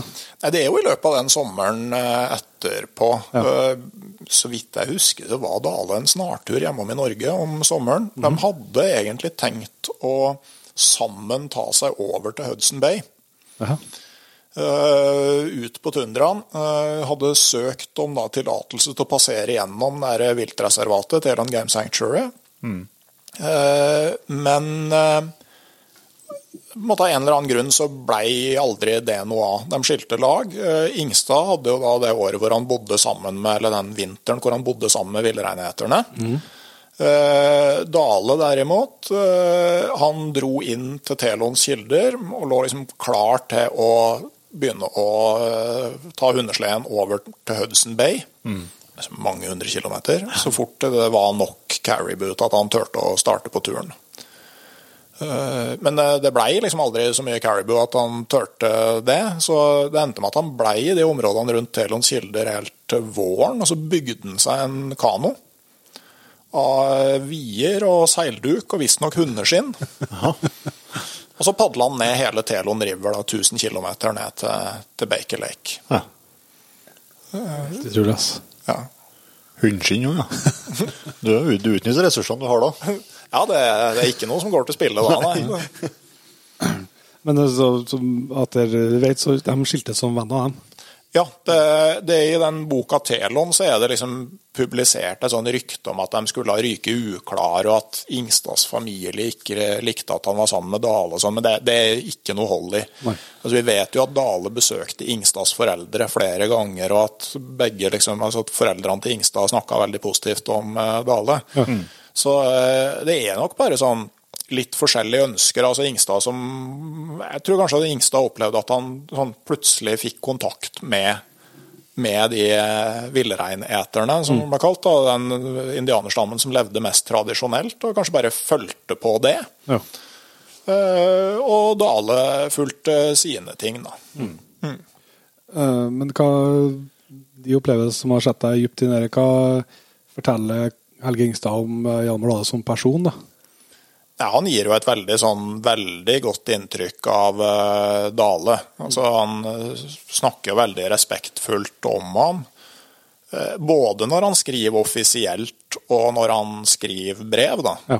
At, At han har tydelig veldig respekt for, for Hjalmar. Og, og, og, har bare positivt å si om ham. Mm. Mm. Og, og, liksom om han som læremester, da. Ja. Mm. Ble min læremester, og en bedre kunne jeg vel ikke få, eller noe sånt, tror jeg han skrev noe om. Det. Men eh, hvordan inntrykk er dette? Altså, snakker vi om en lavmælt person her, liksom som Ja, soft spoken, altså ja. lavmælt er sånn eh, Han var ikke noen sånn brautende person, nei. Og, og kanskje sånn at etter hvert da sånn Snakka ikke så veldig mye Kanskje brukte litt tid på å bli trygg på folk. Mm. Mm. Så, sånn som kanskje mer lot handlingene tale. Ja. Han mm. Var vel såpass respektert at han hadde ikke noe behov for å skryte så mye av det han drev med. Men altså, Du sa at han var, var lassa til opp med Telon Silder, ja. Mm -hmm. hva de videre årene da, kan, hva han gjorde videre da? Nei, da satte han kursen ned mot Hudson Bay. Mm. Og da når du, du Ikke helt ut av Hudson Bay. da, Telon River munner ut i en stor sjø som heter Baker Lake. Og der lå det en handelspost. For Den var da enkel å nå fra sjøsida med båt. Så der var det to sånne pelshandelsselskap i hvert fall, som hadde handelspost. Og, og de der handelspostene, dem, der førte man loggbok med livet som innsats. Eh, og den går det an altså, Veldig mange av de loggbøkene fra Hudson Bay Company handelsposter som er tilgjengelig på mikrofilm, som er fotografert av, du kan bestille dem. Så jeg satt på biblioteket i Hammerfest og leste om hva som skjedde i Baker Lake gjennom vintrene på 1920-tallet. Ja. Og det står liksom første sida er sånn et opptrykt eh, tekst om at liksom altså din dugelighet som bestyrer for den handelsposten her blir vurdert ut fra hvordan du har ført loggboka. Så liksom, gjør det her ordentlig. Så der står det om alle som kommer og går, og hva de gjør hver dag, og været og hendelser. Og så kommer plutselig Hamar N, eller hva det var for noe. Du må liksom tyde håndskrift. da. Ja. Kommer kom det noen folk ned til Telon, bl.a. Hjalmar Dale, som har vært på farten et halvår. Og han bevilger seg jo både tre og fire fridager før han da har eh, bytta inn fangst og fått utstyr, og legger vei opp igjen Telon. Ja. ok. Ja. Ja, så, men da er han sånn litt sånn til og fra, ligger og fangster litt rundt omkring. Og så kan han plutselig komme inn og handle litt, og så forsvinne ut. Og så leste du om at de spiller fotball under fullmånen midt på vinteren, og hva som skjer når det er julefeiring. Og, litt sånn, eh, men, men da kan du liksom følge Hjalmar Dale sånn når han kommer inn og når han drar ut igjen da, av handelsposten. der. Og Det er jo ut på helt bar tundra sammen med innlandsinuittene. Ja. Som kanskje er sånn mest imponerende folkegruppa i Nord-Amerika. Så, altså, Inuittene levde jo alltid ute på den treløse tundraen. Eh, Men de som levde ute ved kysten, de hadde jo sjøpattedyrene som brensel. Ja. Fikk du tak i en hvalross, så hadde du eh, brensel en hel vinter. Men eh, de som var inne på tundraen, de, de hadde jo ikke det. Nei. Så en kunne jo gå ja, både ei og to uker mellom hver gang de gjorde opp varme. Ja. De spiste frossent kjøtt og drakk vann. Bygde iglo over et høl i isen, sånn at du hadde tilgang på vann hele tida. Og, eh, og overlevde ute på tundraen der. Det er helt ufattelig at det, at det tatt er mulig. Ja, og der levde jo folk eh, nomadisk til utpå 80-tallet. Ja. Da jeg padla ned Telon, så traff vi en kar som var vokst opp liksom i telt og igloer ute på tundraen. Ja. Han var, var ikke så fryktelig, han kunne være i 40-årene da. Eh, og, og hadde, var blant de siste familiene som flytta inn til Baker Lake fast. Ja. Uh, så, så det var en, eh, en kultur som holdt ut lenge. Ja. Men Hjalmar var liksom litt vanlig med dem på tundraen, eller? Ja, han hang vel rundt dem. Altså, det er jo en sånn periode vi dessverre ikke vet noe sånn veldig detaljert om. Han har ikke, Noe av det vi vet om Hjalmar, er jo sånne ting han har skrevet sjøl i ei lokalavis der han bodde seinere, eller mm. andre som har vært sammen med han. Eh, men de historiene fra den tida her, det er veldig sånn mer at vi kan følge bevegelsene hans veldig grovt. Mm. Eh, men vi vet jo at liksom det å være pelsjeger ute på tundraen Du var jo midt i smørøyet for hvitreven, mm. men, eh, men, da var det nok primus og eh, brennstoffrasjonering og eh, mm. beinhard jobb. Han prøvde òg å komme seg over til Lake Atabasca, som er jo liksom en sørlig retning. Og planla det her ganske nøye, og det holdt visst på å gå gærent. Han eh, hadde jo med seg kamera og masse film og antagelig dagbøker og sånne ting. Det skulle vært fryktelig artig å visst hva som skjedde, med en lang sledetur på eh, tundraen. Det eneste vi vet, at han skriver til Ingstad når Ingstad er på Grønland som sysselmann. Det var godt stuck going Attaby Lake'. Det er det eneste vi vet om den turen. Men uh, får jo et tilnavn, den hvite inuitten. Ja. Så det må jo gi et bilde på at at han eh, har klart å, å integrere seg i landet på en, eh, på en imponerende måte. Ja, helt klart. Og, og jeg tror nok altså eh, de fleste pelsjegerne var jo ikke sånn at de la ut på sånn ja, Førstemann ned til i kano og prøve å ta seg over til Lake Athabasca med hundespann. Altså det, det, var jo noe mer sånn der En ekstra drivkraft utover det å få mest mulig skinn. Ja. For det er klart, altså Når en skulle over til Baker Lake, altså det enkleste hadde vært å tatt seg ned Slave River og ut til Edmonton. Og så kunne jo tatt toget øh, østover og opp igjen til Churchill ved Hudson Bay. Ja. Mm. Og båt inn til Baker Lake. Mm. Altså sånn, Hvis man bare skulle dit for å fange hvitrev, så ja. hadde man antagelig valgt en annen strategi. sånn at øh, Du ser jo konturene av en sånn eventyrerpersonlighet oppi der òg. Ja. Lik speneste. Ja. Men neppe like innbringende. Nei. nei, nei for at det, det, heter vel som et kapittel nå, at det, at det blir en sånn glidende overgang her mellom fra at, fra at han går til, fra å være pelsjeger til å være pelsjeger og eventyrer. da. Ja, det, det blir det. Altså, det. det. må ligge noe ekstra sånn oppdagertrang her. Ja. Um, sånn, så, som blir ganske tydelig etter hvert, og som skiller en fra de fleste andre. Ja. Men han, eh, det er et eh, punkt der som eh, jeg tenkte vi måtte snakke litt om, som han antagelig er nært, da, eller det som blir kjent som Horn, Hornbury Point. Mm -hmm. det? Ja. Der, der, der, har det jo skjedd en tragedie. Kan du, for dem som ikke er kjent med historien, kan du fortelle den litt kort? Jo, vi var så vidt innom det med, med John Hornby ja. her helt i starten. Ja. Altså, han var en engelskmann. spesiell fyr. han var kjent for å out-Indian the Indian. Altså han skulle liksom eh, dra ut med enda mer spartansk utrustning enn de innfødte. Ja. Eh, han, det ble sagt at han hadde sagt han kunne bli sluppet naken ned på tundraen og overleve. Eh, veldig utholden, veldig god til å overleve. og, og sånn, Varemerket hans var at han kom ut som skinn og bein eh, på våren år etter år. Ja. Det sagt at Han kunne blitt en veldig god pelsjeger om han ikke hadde hatt sånn motvilje mot slagfeller og vært så glad i dyr. Ja. Eh, men han hadde padla ned Telon. Nok en sånn langtur som holdt på å ende med at de sulta i hjel. Mm. Hadde overvintra øst for Store Slavesjø, og så padla ned Telon etterpå. Og da hadde han sett en sånn klatt med gran. For at den Telondalen den, den er litt sånn rar. Du starter å padle Telon på tundraen, men så kommer du inn igjen i skogen før du får skinne ut på tundraen igjen. Ja. Sånn at det var litt sånn fin plass å ligge for å ha tilgang til tundraen, men fortsatt ha ved. For ja. Elvedalen er gran. Og så når du bare kommer på toppen av Elvedalen, så er det tundra. Og da setter han sett en sånn granklatt med litt storvokste trær, som her gikk det an å bygge hytte. Her gikk det an å overvintre. Og de tok han med seg nevøen sin, som vel var rundt sånn 16-17 år gammel, og en annen sånn greenhorn, fersking, engelskmann. Edgar Christian var nevøen hans, og eh, Harold Adlard, som var han eh, andre grønnskålingen. Og de eh, brukte lang tid og kom seint inn til Telon-oasen ute i oktober. Sannsynligvis etter at det sørgående caribou-trekket høsttrekket var godt. Mm. Og det er risky. mm. For det er jo en måte vintermaten. Altså at den høstcaribuen uh, skal være forsikringa di for vinteren. Og i tillegg så er jo da caribuen er på det feiteste. For en sånn, uh, en sånn caribou-diett er jo ikke primært en kjøttdiett. Det er jo viktigste er fettet. Så da, eh, da må han på en måte ha visst at det her kom til å bli marginalt. Og det viste seg at det var veldig lite caribou der i løpet av vinteren. Så han bygga ei hytte. Eh, ja, eh, har lite mat.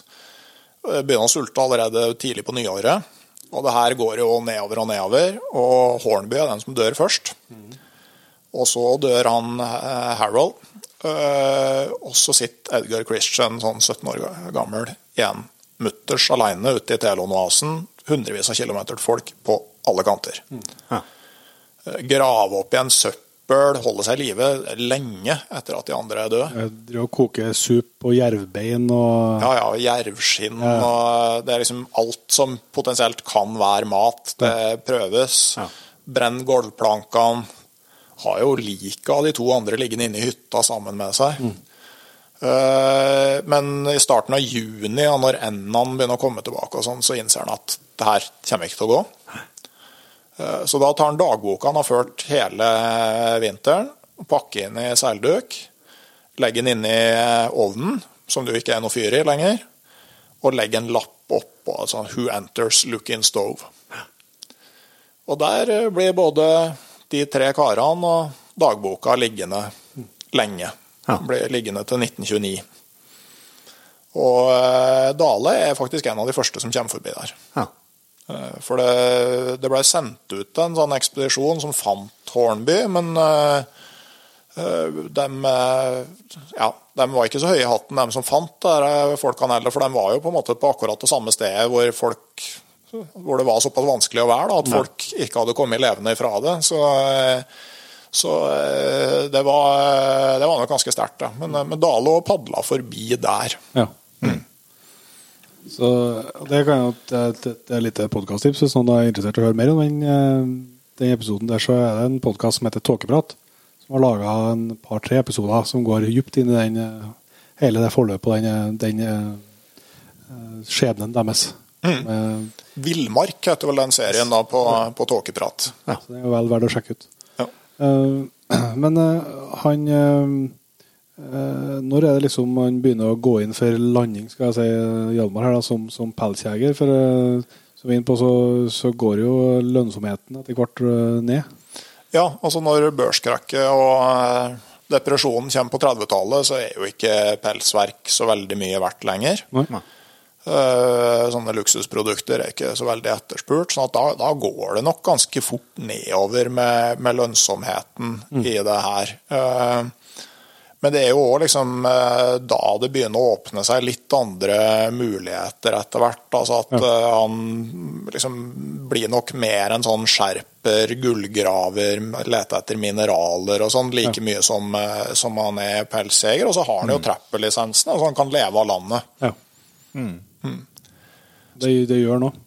Ja, det, det, det gjør den definitivt. Det, og det fortsetter han med jo i stor grad helt til sin død. Da, og, og liksom der, drar på høstjakt og skyter elg og fisker og, og, og lever av landet. Ja. Men den pelsjegertida er nok i stor grad over, i hvert fall når 30-tallet går mot slutten. Mm.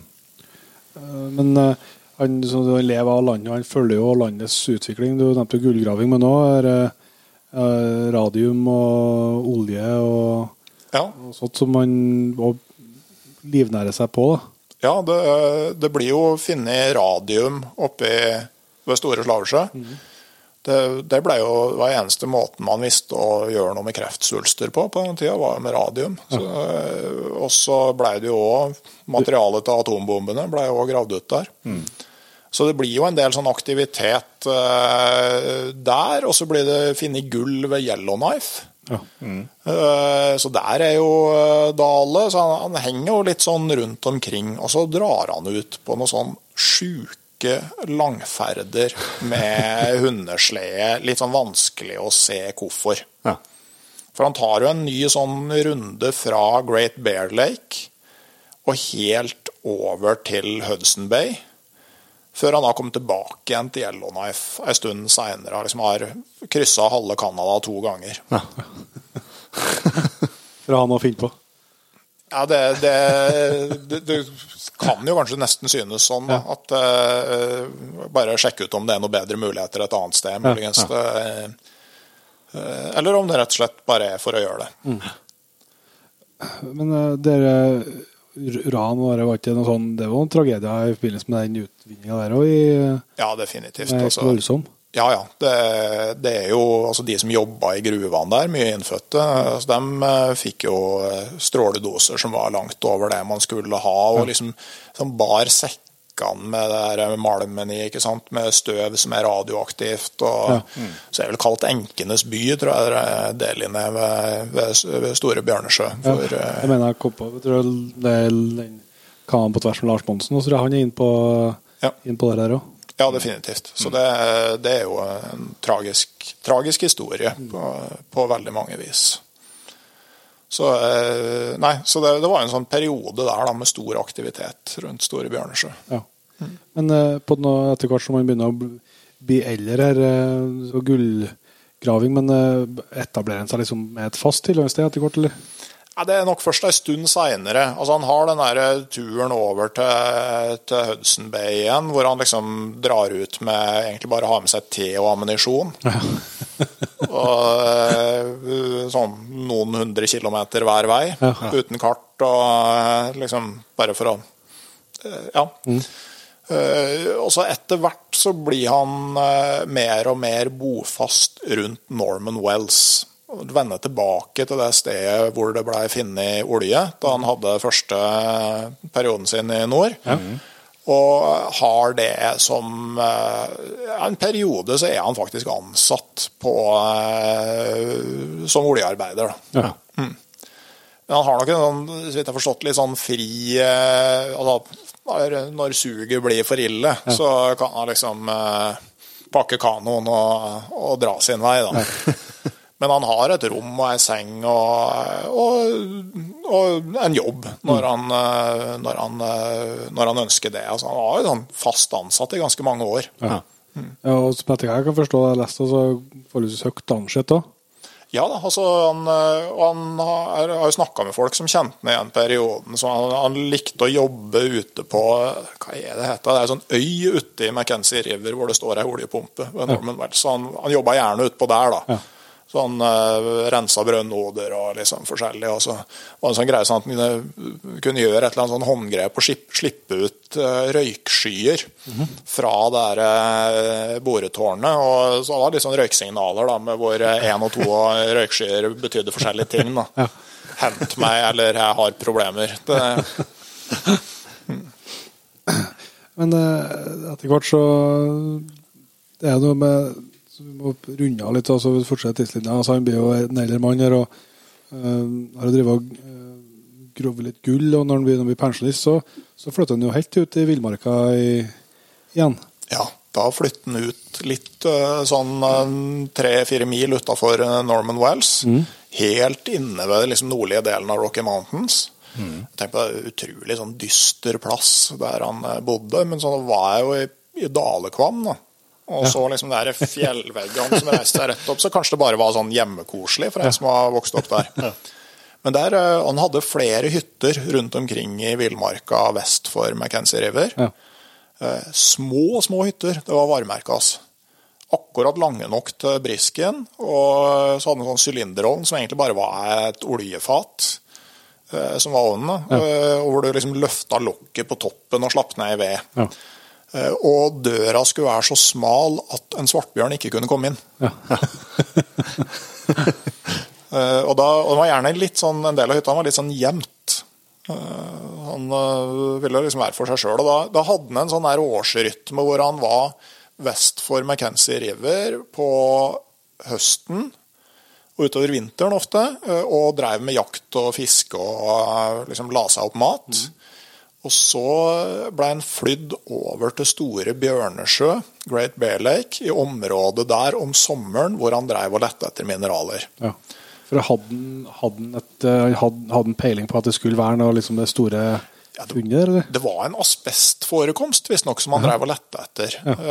Det virker jo litt rart i dag å drive og lete etter asbest, men det Jeg har liksom tenkt å være snodig. altså En ting er på en måte radium, som er ganske altså Det er ikke så store mengder.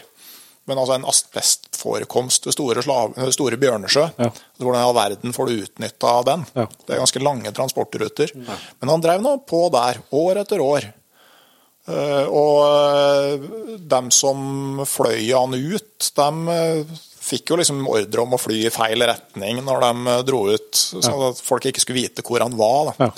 For det var liksom viktig. Og så var det jo en eller annen hentedato på et eller annet sted, da, hvor han da skulle inn igjen til folk. Han ganske trives i eget selskap, da. Definitivt, En, en, på et vis. Ja, ja, helt klart. Det, er at, uh, det ble jo sikkert en vane å pusle rundt for seg sjøl der. Og, sånn. Han likte selskap i, i moderate porsjoner, var det en som sa. Det, liksom når det var fest og sånn i Norman Wells, så var han jo med og likte veldig godt å snakke med de ferske ingeniørene da, for å prøve å liksom øh, vise hvem som kunne mest historie. Og han leste jo liksom En ting han leste historie, men han leste jo ganske sånn her eh, avansert filosofi og, finne finne utvei av hytta. Han, han Descartes, han som hadde eh, 'jeg tenker, ergo er jeg'. Ja. Eh, Det var sånn han lå i eh, fangsthytta og leste mens, mens han etter å ha skåret tørrkjøtt en hel dag. Så det er en sånn personlighet der som har en, en bredde og en dimensjon. Da, som, eh, som, altså, det er på en måte ikke bare den derre den derre mannemannen Ja. som, som jakter på dyr. Liksom, altså, han sitter samtidig og tenker over de store eksistensielle spørsmålene i hytta om kvelden. Ja. Men etter hvert så går han eh, bort, da, da er vi ute på 60-tallet. Ja, seint 60-tall. Ja. Da, og det foregår i en av de små hyttene hans. Ja, det er nok før jul, jeg mener det var i 67, 1967, at uh, han, han har hatt kreft i magen. Ja. Uh, har vært dårlig lenge. Eh, og de dem som kjenner han, har liksom prøvd å få han til å bli i eh, Canada. Nei, bli i Norman Wells over vinteren, ikke dra ut. Ja. Du kan få et sted så du kan bo, altså, Ja. nå må du hvile, men han må ut. da. Eh, og til slutt så orker ikke kroppen mer antagelig et eller annet infarkt eller slag, eller noe sånt. Så han eh, akkurat satt over eh, satt en eh, boks med suppe, hermetikkboks med suppe til varming oppi en kjele med vann oppå ovnen. Og så skjer det et eller annet, sånn at han dør. Ja. Blir liggende der. Eh, blir jo forbrent og kommer vel borti ovnen og sånn, og så blir det stille rundt den. Og det er jo først utpå nyåret da, at folk begynner å ane uråd og sende ut eh, fly, og da Finn der. Ja. Eh, og da er en jo på en måte Sånn historia går, da, så er en jo da ligger han i en sånn Han er jo pinntæla og ligger i en sånn formasjon som gjør at han tar en del plass. Altså, de får ikke igjen døra på flyet når de flyr tilbake. Og må visstnok gravlegge seg ganske brei kiste. Ja. For de vil liksom ikke ta den, den. de vil ikke bryte den på plass. Nei. Det, um, nei, så, han, uh, så ligger han gravlagt da på bredden av McKenzie River utafor Norman Wells. Ja. Og grava den står der eller? Den står der. Uh, og så fikk han et fjell oppkalt etter seg. Ja. For altså, Det vi ikke har nevnt, er at han bytta jo navn mange ganger. Ja. Uh, sånn at på slutten så ble han bare kalt Hamar. Ja. Uh, fra Hjalmar, da. ja. Ja. Uh, for han heter jo Hjalmar Dale, bytta til Hjalmar Nelson. Far hans het Nils. Eh, Ganske vanlig. Ja. og eh, ja, han heter vel Hjalmar Hundhammer da han ble født. da. Men altså, også var veldig vanlig å bytte til etternavnet fra plassen du kom fra når du utvandra. Altså, på slutten så var han egentlig bare kjent som Hamar. Ja. Så Mount Hamar ligger rett ved Norman Wells. Norman Wells ligger jo sør for Polarsirkelen, men hvis du går opp på Mount Hamar på eh, midtsommernatta, så kan du se midnattssola derifra. Så det var sånn fast for dem som, som hadde kjent Hamar da, og ville minnes den, eh, kunne gå opp dit. Og det er jo liksom betegnende for mysteriet med mannen da, at uh, jeg mener at både navn og eh, både fødsel og dødsdatoer og sånn er litt forskjellig på minnesmerket på fjellet og på gravsteinen. Ja. Så Men det, det er jo verdt å merke seg ikke sant? Altså, hvordan de så på den i Norman Wells. På gravsteinen så mener jeg at det er hakke og spade som liksom er gravert inn. Ja. Så der er det ikke pelsjegeren, altså, der er det skjerperen man husker. Men eh, var det noe uklarheter etterpå, altså med, som jeg også beskriver i boka? her for meg? Ja, uh, Ingstad var kobla inn for å liksom finne ut hva som hadde hendt, om det var noe arv å hente og sånne ting. Og det som er at det var en god Altså, det er ikke funnet noen dagbøker, noen brev, ingenting sånn. Det er borte. Ja. Uh, og det var der da han ble funnet. Det ble beskrevet det. Og det er eh, referert til i politirapporten etter dødsfallet, så er referert til ting han skrev i dagboka for liksom å sånn, vise at han var sjuk. Ja. Men den dagboka er borte. Ja. Eh, og, og det var jo sett på som litt sånn påfallende, spesielt i og med at han var sånn prospector da, som lette etter mineraler, og mange mente at han visste noe. Ja. Ja. Og det har aldri blitt funnet igjen. Ei heller de liksom, altså dagbøker fra tidligere turer og sånne ting. Det er aldri blitt funnet. Nei.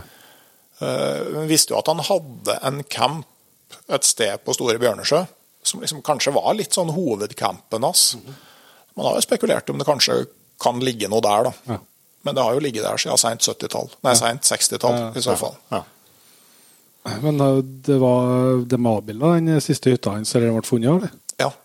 Så var- du ble vært der òg? Jeg har vært der, og det, det som var litt sånn eh, spesielt òg, er at eh, det viste seg at han døde i ei annen hytte enn det alle, har trodd. Ja. okay. Da jeg begynte å se på den politirapporten, så liksom eh, sånn, Det her er jo ikke den sjøen hvor det er opplest og vedtatt at han døde. Nei. Det her er et annet sted. Men jeg, jeg har vært der òg, jeg. Jeg fikk en sånn sightseeingtur med, med han som drev eh, Warren Wright, det er en bushpilot oppe der, som, som drev flyselskap i Norman Wells. Han fikk en runde rundt til alle de kjente hyttene hans. Altså. Ja. Tøft. Men det er litt fort, eh, altså Du sa at, eh, at, at de prøvde å, prøvde å holde At han ikke skulle ferde ut på det året han omkom. Er det litt, litt lett å tenke at han kanskje ønska det sjøl? At han skjønte at uh, tida var begynt å komme, at han ønska å, å gå bort på den måten der? Det kan være. Eh, Jeg tror i hvert fall på en måte ikke han ønska å sette seg i Norman Wells og vente på at det skulle skje. Nei. Det, eh, det var liksom ute der han hørte til. Ja. Og, eh, og han trodde vel at han skulle klare å dra seg til igjen, da. Han hadde vel noen sånne teorier om at det kom at han hadde spist ris fra en aluminiumskjel eller eh, noe sånt. da. Og at hvis han bare fikk bytta til stålkjeler, så Det ble greit. liksom, Det ordna seg. Ja, liksom, trodde at det skulle dra seg til igjen, men det, det gjorde det jo ikke. da. Men du sa du det var lett etter arv, og det, man døde vel ikke som noen rik, som noen rik mann? Nei, han gjorde ikke det. det han eh, Ikke for vel penger, i hvert fall. Nei, han hadde jo litt sånn eh, til gode i pensjon, men det balanserte vel omtrent mot Gjellas på Hudson Bay Handelsposten, så vidt jeg husker. Altså, hyttene Han hadde ikke noe skjøte eller noe eiendomsrett til noen av de plassene han hadde bygd hytter eller noen sånne ting. Så at eh, noe mye jordisk gods var det ikke igjen etter den. da. Men uh, rifla hans har dukka opp på, på museet i Norman Wells. Den har ikke jeg sett. Da. Det er sånn, eh, den kom, det var en sånn lang historie med en som hadde fått den, og som etter hvert mente at den hørte hjemme i, i Norman Wells. Da. Det er en sånn eh, Winchester bøylerifle. Ja, tøft. Så, eh, men ellers så eh, Altså, eh, den arven han har etterlatt seg, er jo mer sånn gjennom eh, det han gjorde og den han var. Og det er jo, eh, ikke sant, I Canada òg, så, så, sånn som i Norman Wells, så han ble jo et sånn symbol på ei sånn overgangstid. Ja. Han kom jo dit midt i pionertida, og da han eh, forlot denne verden, så var liksom eh, Da var det flyplass og dagligvarebutikk, og liksom atomalderen var slått inn, og Ja. det var ei helt annen tid, da, og han hadde liksom gjennomlevd og hatt hele den overgangstida i seg. Sånn som jeg har ført før du utvikla landet. ja. Han, eh, han gjorde det. Han var med på en hel sånn viktig brytningstid i, i nordområdene i Canada, og blir på en måte et sånt symbol på det. Ja. Men eh, jeg tenkte eh, Jeg syns det kan være en fin liten hilsing til, til Hjalmar Dale. Det, du har tatt med et, i boka di fra en Henry Rudi, som er en annen ganske hard eh, fangstmann. Ja. eh, Som vi kanskje må snakke om en annen gang. Men eh, han har beskrevet, selv om han var en mann som gikk bort med ikke så mye, så mye jordlig gods, så har han skrevet ganske godt om frihet. Ja. vi har, tror det har vært en fin plass å, å sagt eh, takk til en Hjalmar Dale for nå, i hvert fall. Ja, Henry Rudi sa jo som Det handler jo om måte, det frie livet. Mm. Og da skriver Henry Rudi at friheten består ikke i å legge seg døgnvis i ei varm og god hytte og si 'jeg gjør som jeg vil, jeg har frihet til det'. Nei, friheten består i å ikke bruke den slags frihet. Hos oss er det slik. Friheten består i å røkte sine redskaper hver bidige dag, så en kan si til seg sjøl at nå har jeg gjort det som gjøres skulle, jeg har vunnet over de ytre motstandskreftene, som er styggevær og mørke, jeg har vunnet over de indre, som er oppgitthet, likesærlighet eller noe slikt. Jeg har vunnet over sterke krefter, derfor er jeg fri. Nå er det slike krefter å vinne over andre sted i fangsthytta òg. Her nede i samfunnet, f.eks. Men der oppe trer de så klart i dagen. De står fram i sine enkle fakta, klemmer på eller gir seg over. Slik forenkles livet for fangstmann over vinteren. Det må være dette som tiltaler oss, som får oss til å snakke om frihet. Vi har ryggen fri, og det er blanke våpen som brukes i kampen. Jeg får litt sånn eh, frysninger av at det er utrolig eh, godt sagt. Ja, og jeg tenker jo sånn for oss òg, når vi drar ut på tur, da, med og uten gevær, Ja. så tror jeg at vi søker en situasjon hvor livet forenkles. Jeg tror jeg er helt rett i. Kanskje spesielt når du drar på lange turer. Så er det et velsigna enkelt liv. Du skal liksom bare prøve å ikke fryse i hjel og, og liksom eh, Ja. gå det du skal og eh, sånn. Det, det blir så utrolig enkle rammevilkår. Da. Og du har i stor grad kontroll på det sjøl. Ja, det er i hvert fall veldig sånn konkrete oppgaver du skal løse. Uten at du trenger å, å ha den ytre, ytre ting du bekymrer deg for. Det, så, så det er nok derfor det er vanskelig å, å bli komfortabel for de folkene der i et A4-liv. Jeg tror det var Henry Rudi som sa at de hardeste overvintringene han hadde hatt, det var dem han hadde i Tromsø. Ja. Veldig bra. Du, jeg tenkte eh, før vi runder av eh, Vi har fått litt innblikk i det gjennom eh, praten eh, med, med den researchen. Men går det an å liksom tallfeste ting? Altså, har du noe, altså, hvor, eh, hvor lenge må man jobbe med et sånt prosjekt som er for at den boka ligger der eh, ferdig skrevet? Det har jeg heldigvis ikke telt på. Det, for det, men men altså, det blir jo liksom et sånt prosjekt som det her. Altså, det er ikke jobb. Nei. Eh, det, det er ikke noe man kalkulerer på om det er lønnsomt. Nei. Nei. Det her var bare noe jeg måtte gjøre. Og så måtte jeg jobbe nok med det til at jeg kunne stå for det i ettertid. Ja. Eh, Og da, sånne ting kan du ikke telle arbeidstimer på. Nei. Eh, Men det er klart, altså det, det, det ligger jo altså, ikke sant? Når du skal prøve å få tak i en person som, som er så lite offentlig, ja, Ja. så har jo strategien vært litt sånn todelt. at På ene sida har jeg prøvd å grave meg fram til så mye info som mulig om Hjalmar Dale. Mm. Men på den annen side så må jeg òg prøve å lese bredt om alle som har vært i samme områder til samme tid. Ja. For at i de fasene som jeg veit lite om eh, Hjalmar, så må jeg kunne si noe om hvordan var livet Ja. på den plassen her, på den tida. Ja. Eh, og, og så har du jo flaks av og til, da. Eh, skal vi se. Jeg har med et lite, sånn, lite hefte her. Yellowknife till the keyworms Iceworms, tror jeg det står. Iceworms nest again. J.W. Horan. Det er et sånt bilde på av og til har du flaks.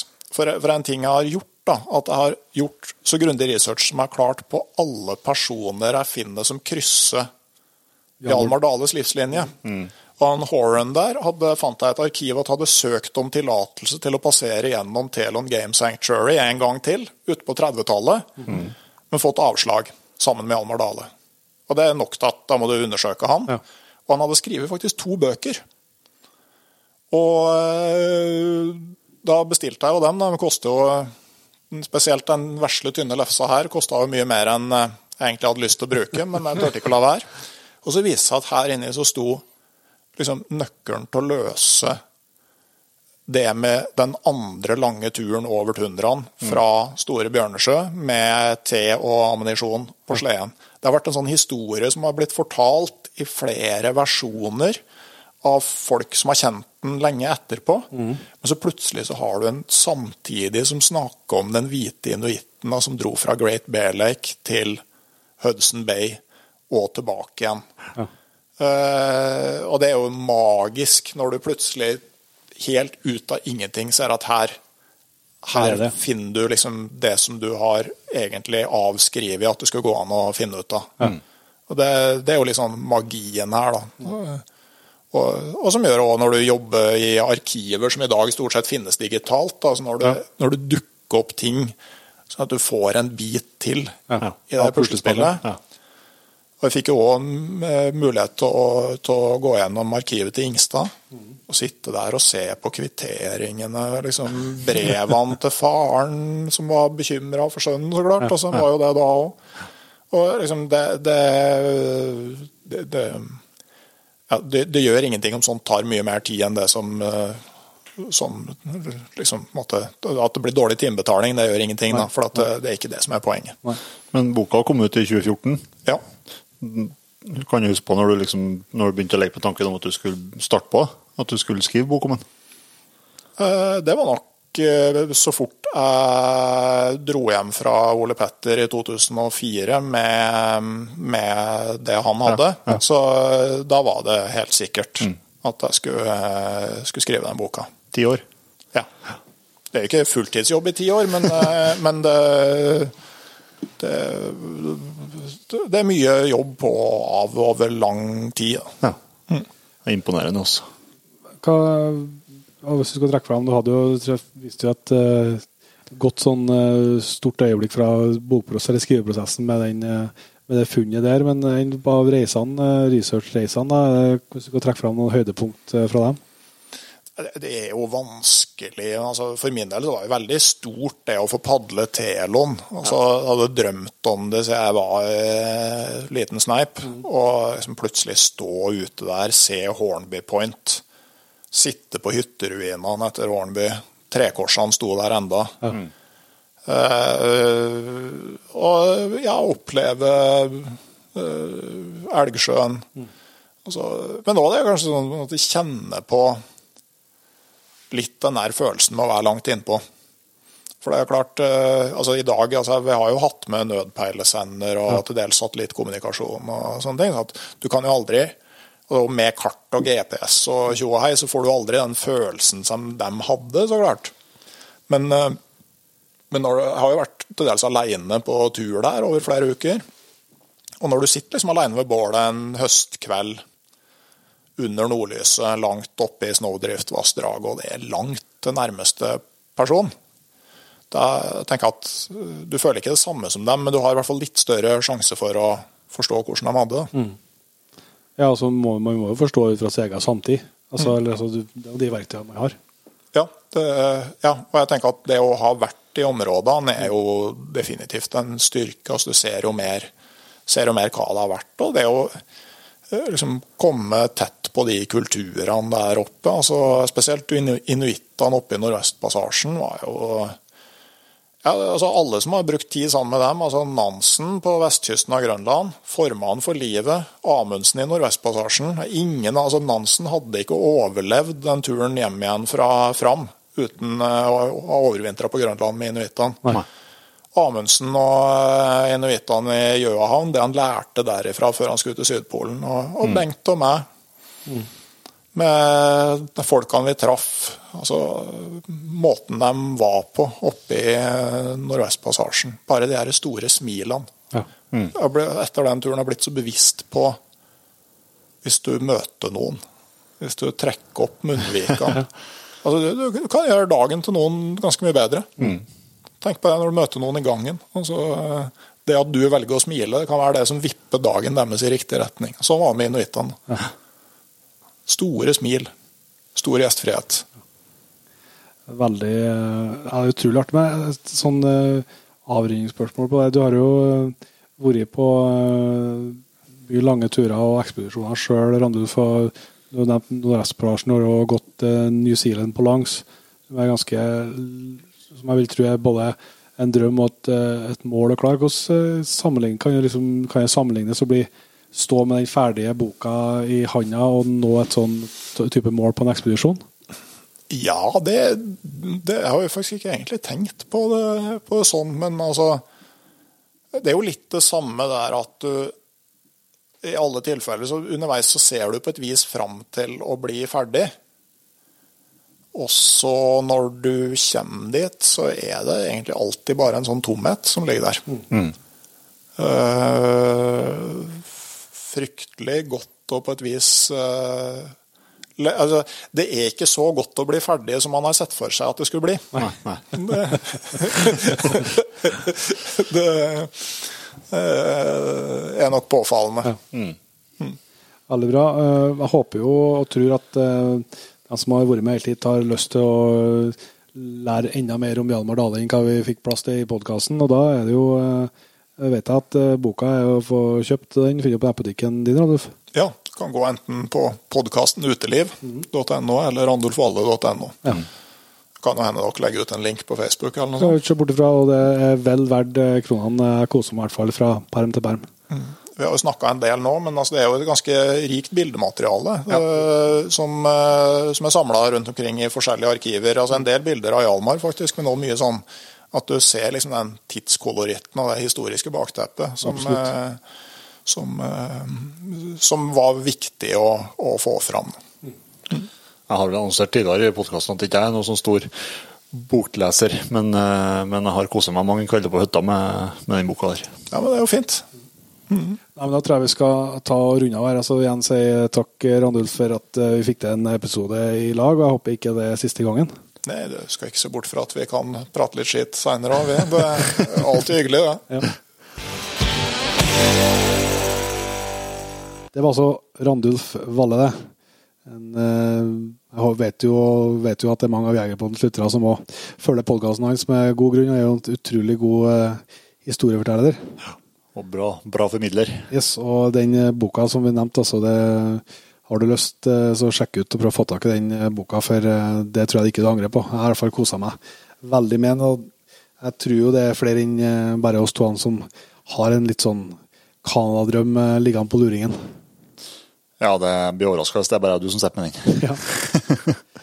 Men vi skal igjen runde av Jegerpodden, og vi skal følge opp tradisjonen med å ønske nye patriens hjertelig velkommen inn i jaktlaget. Mm. Eh, Det kommer stadig flere til, og eh, kanskje litt av grunnen eh, neste stortrekking som vi har et håp om å få gjennomført en gang i framtida. Ja.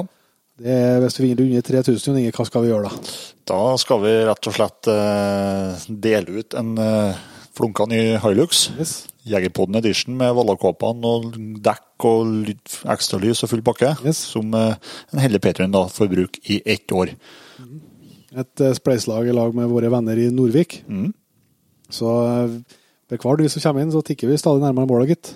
Ja. Og på lista en gangen her så må vi si tusen hjertelig takk til Ole Kristian Trones, Ragnar Solli, Lage Denstad, Kim Walter Johansen, Olav Lenes, Odd Erik Magnes, Andreas, Erlend Snell, Morten Bjørsvik, Håvard Sjellelund, Arne Ingvar Nymoen, Anita Knutsen, Einar Aune, Mona Øvergård, Øystein Kartvedt.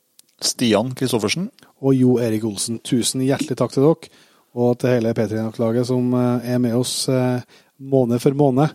Eh, Har du lyst som hører på nå, lyst til å bli med i jaktlaget, så er du selvsagt hjertelig velkommen til det. Du finner eh, lenke til registrering i beskrivelsen av episoden.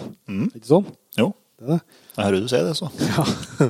Nei, men eh, Sjekk gjerne ut det, og samme og jegerbonde.no. Der finner du alle episoder, og ikke minst en innholdsrik nettbutikk. Vi runder vel av og ses som bruker. Til neste gang. Vi høres.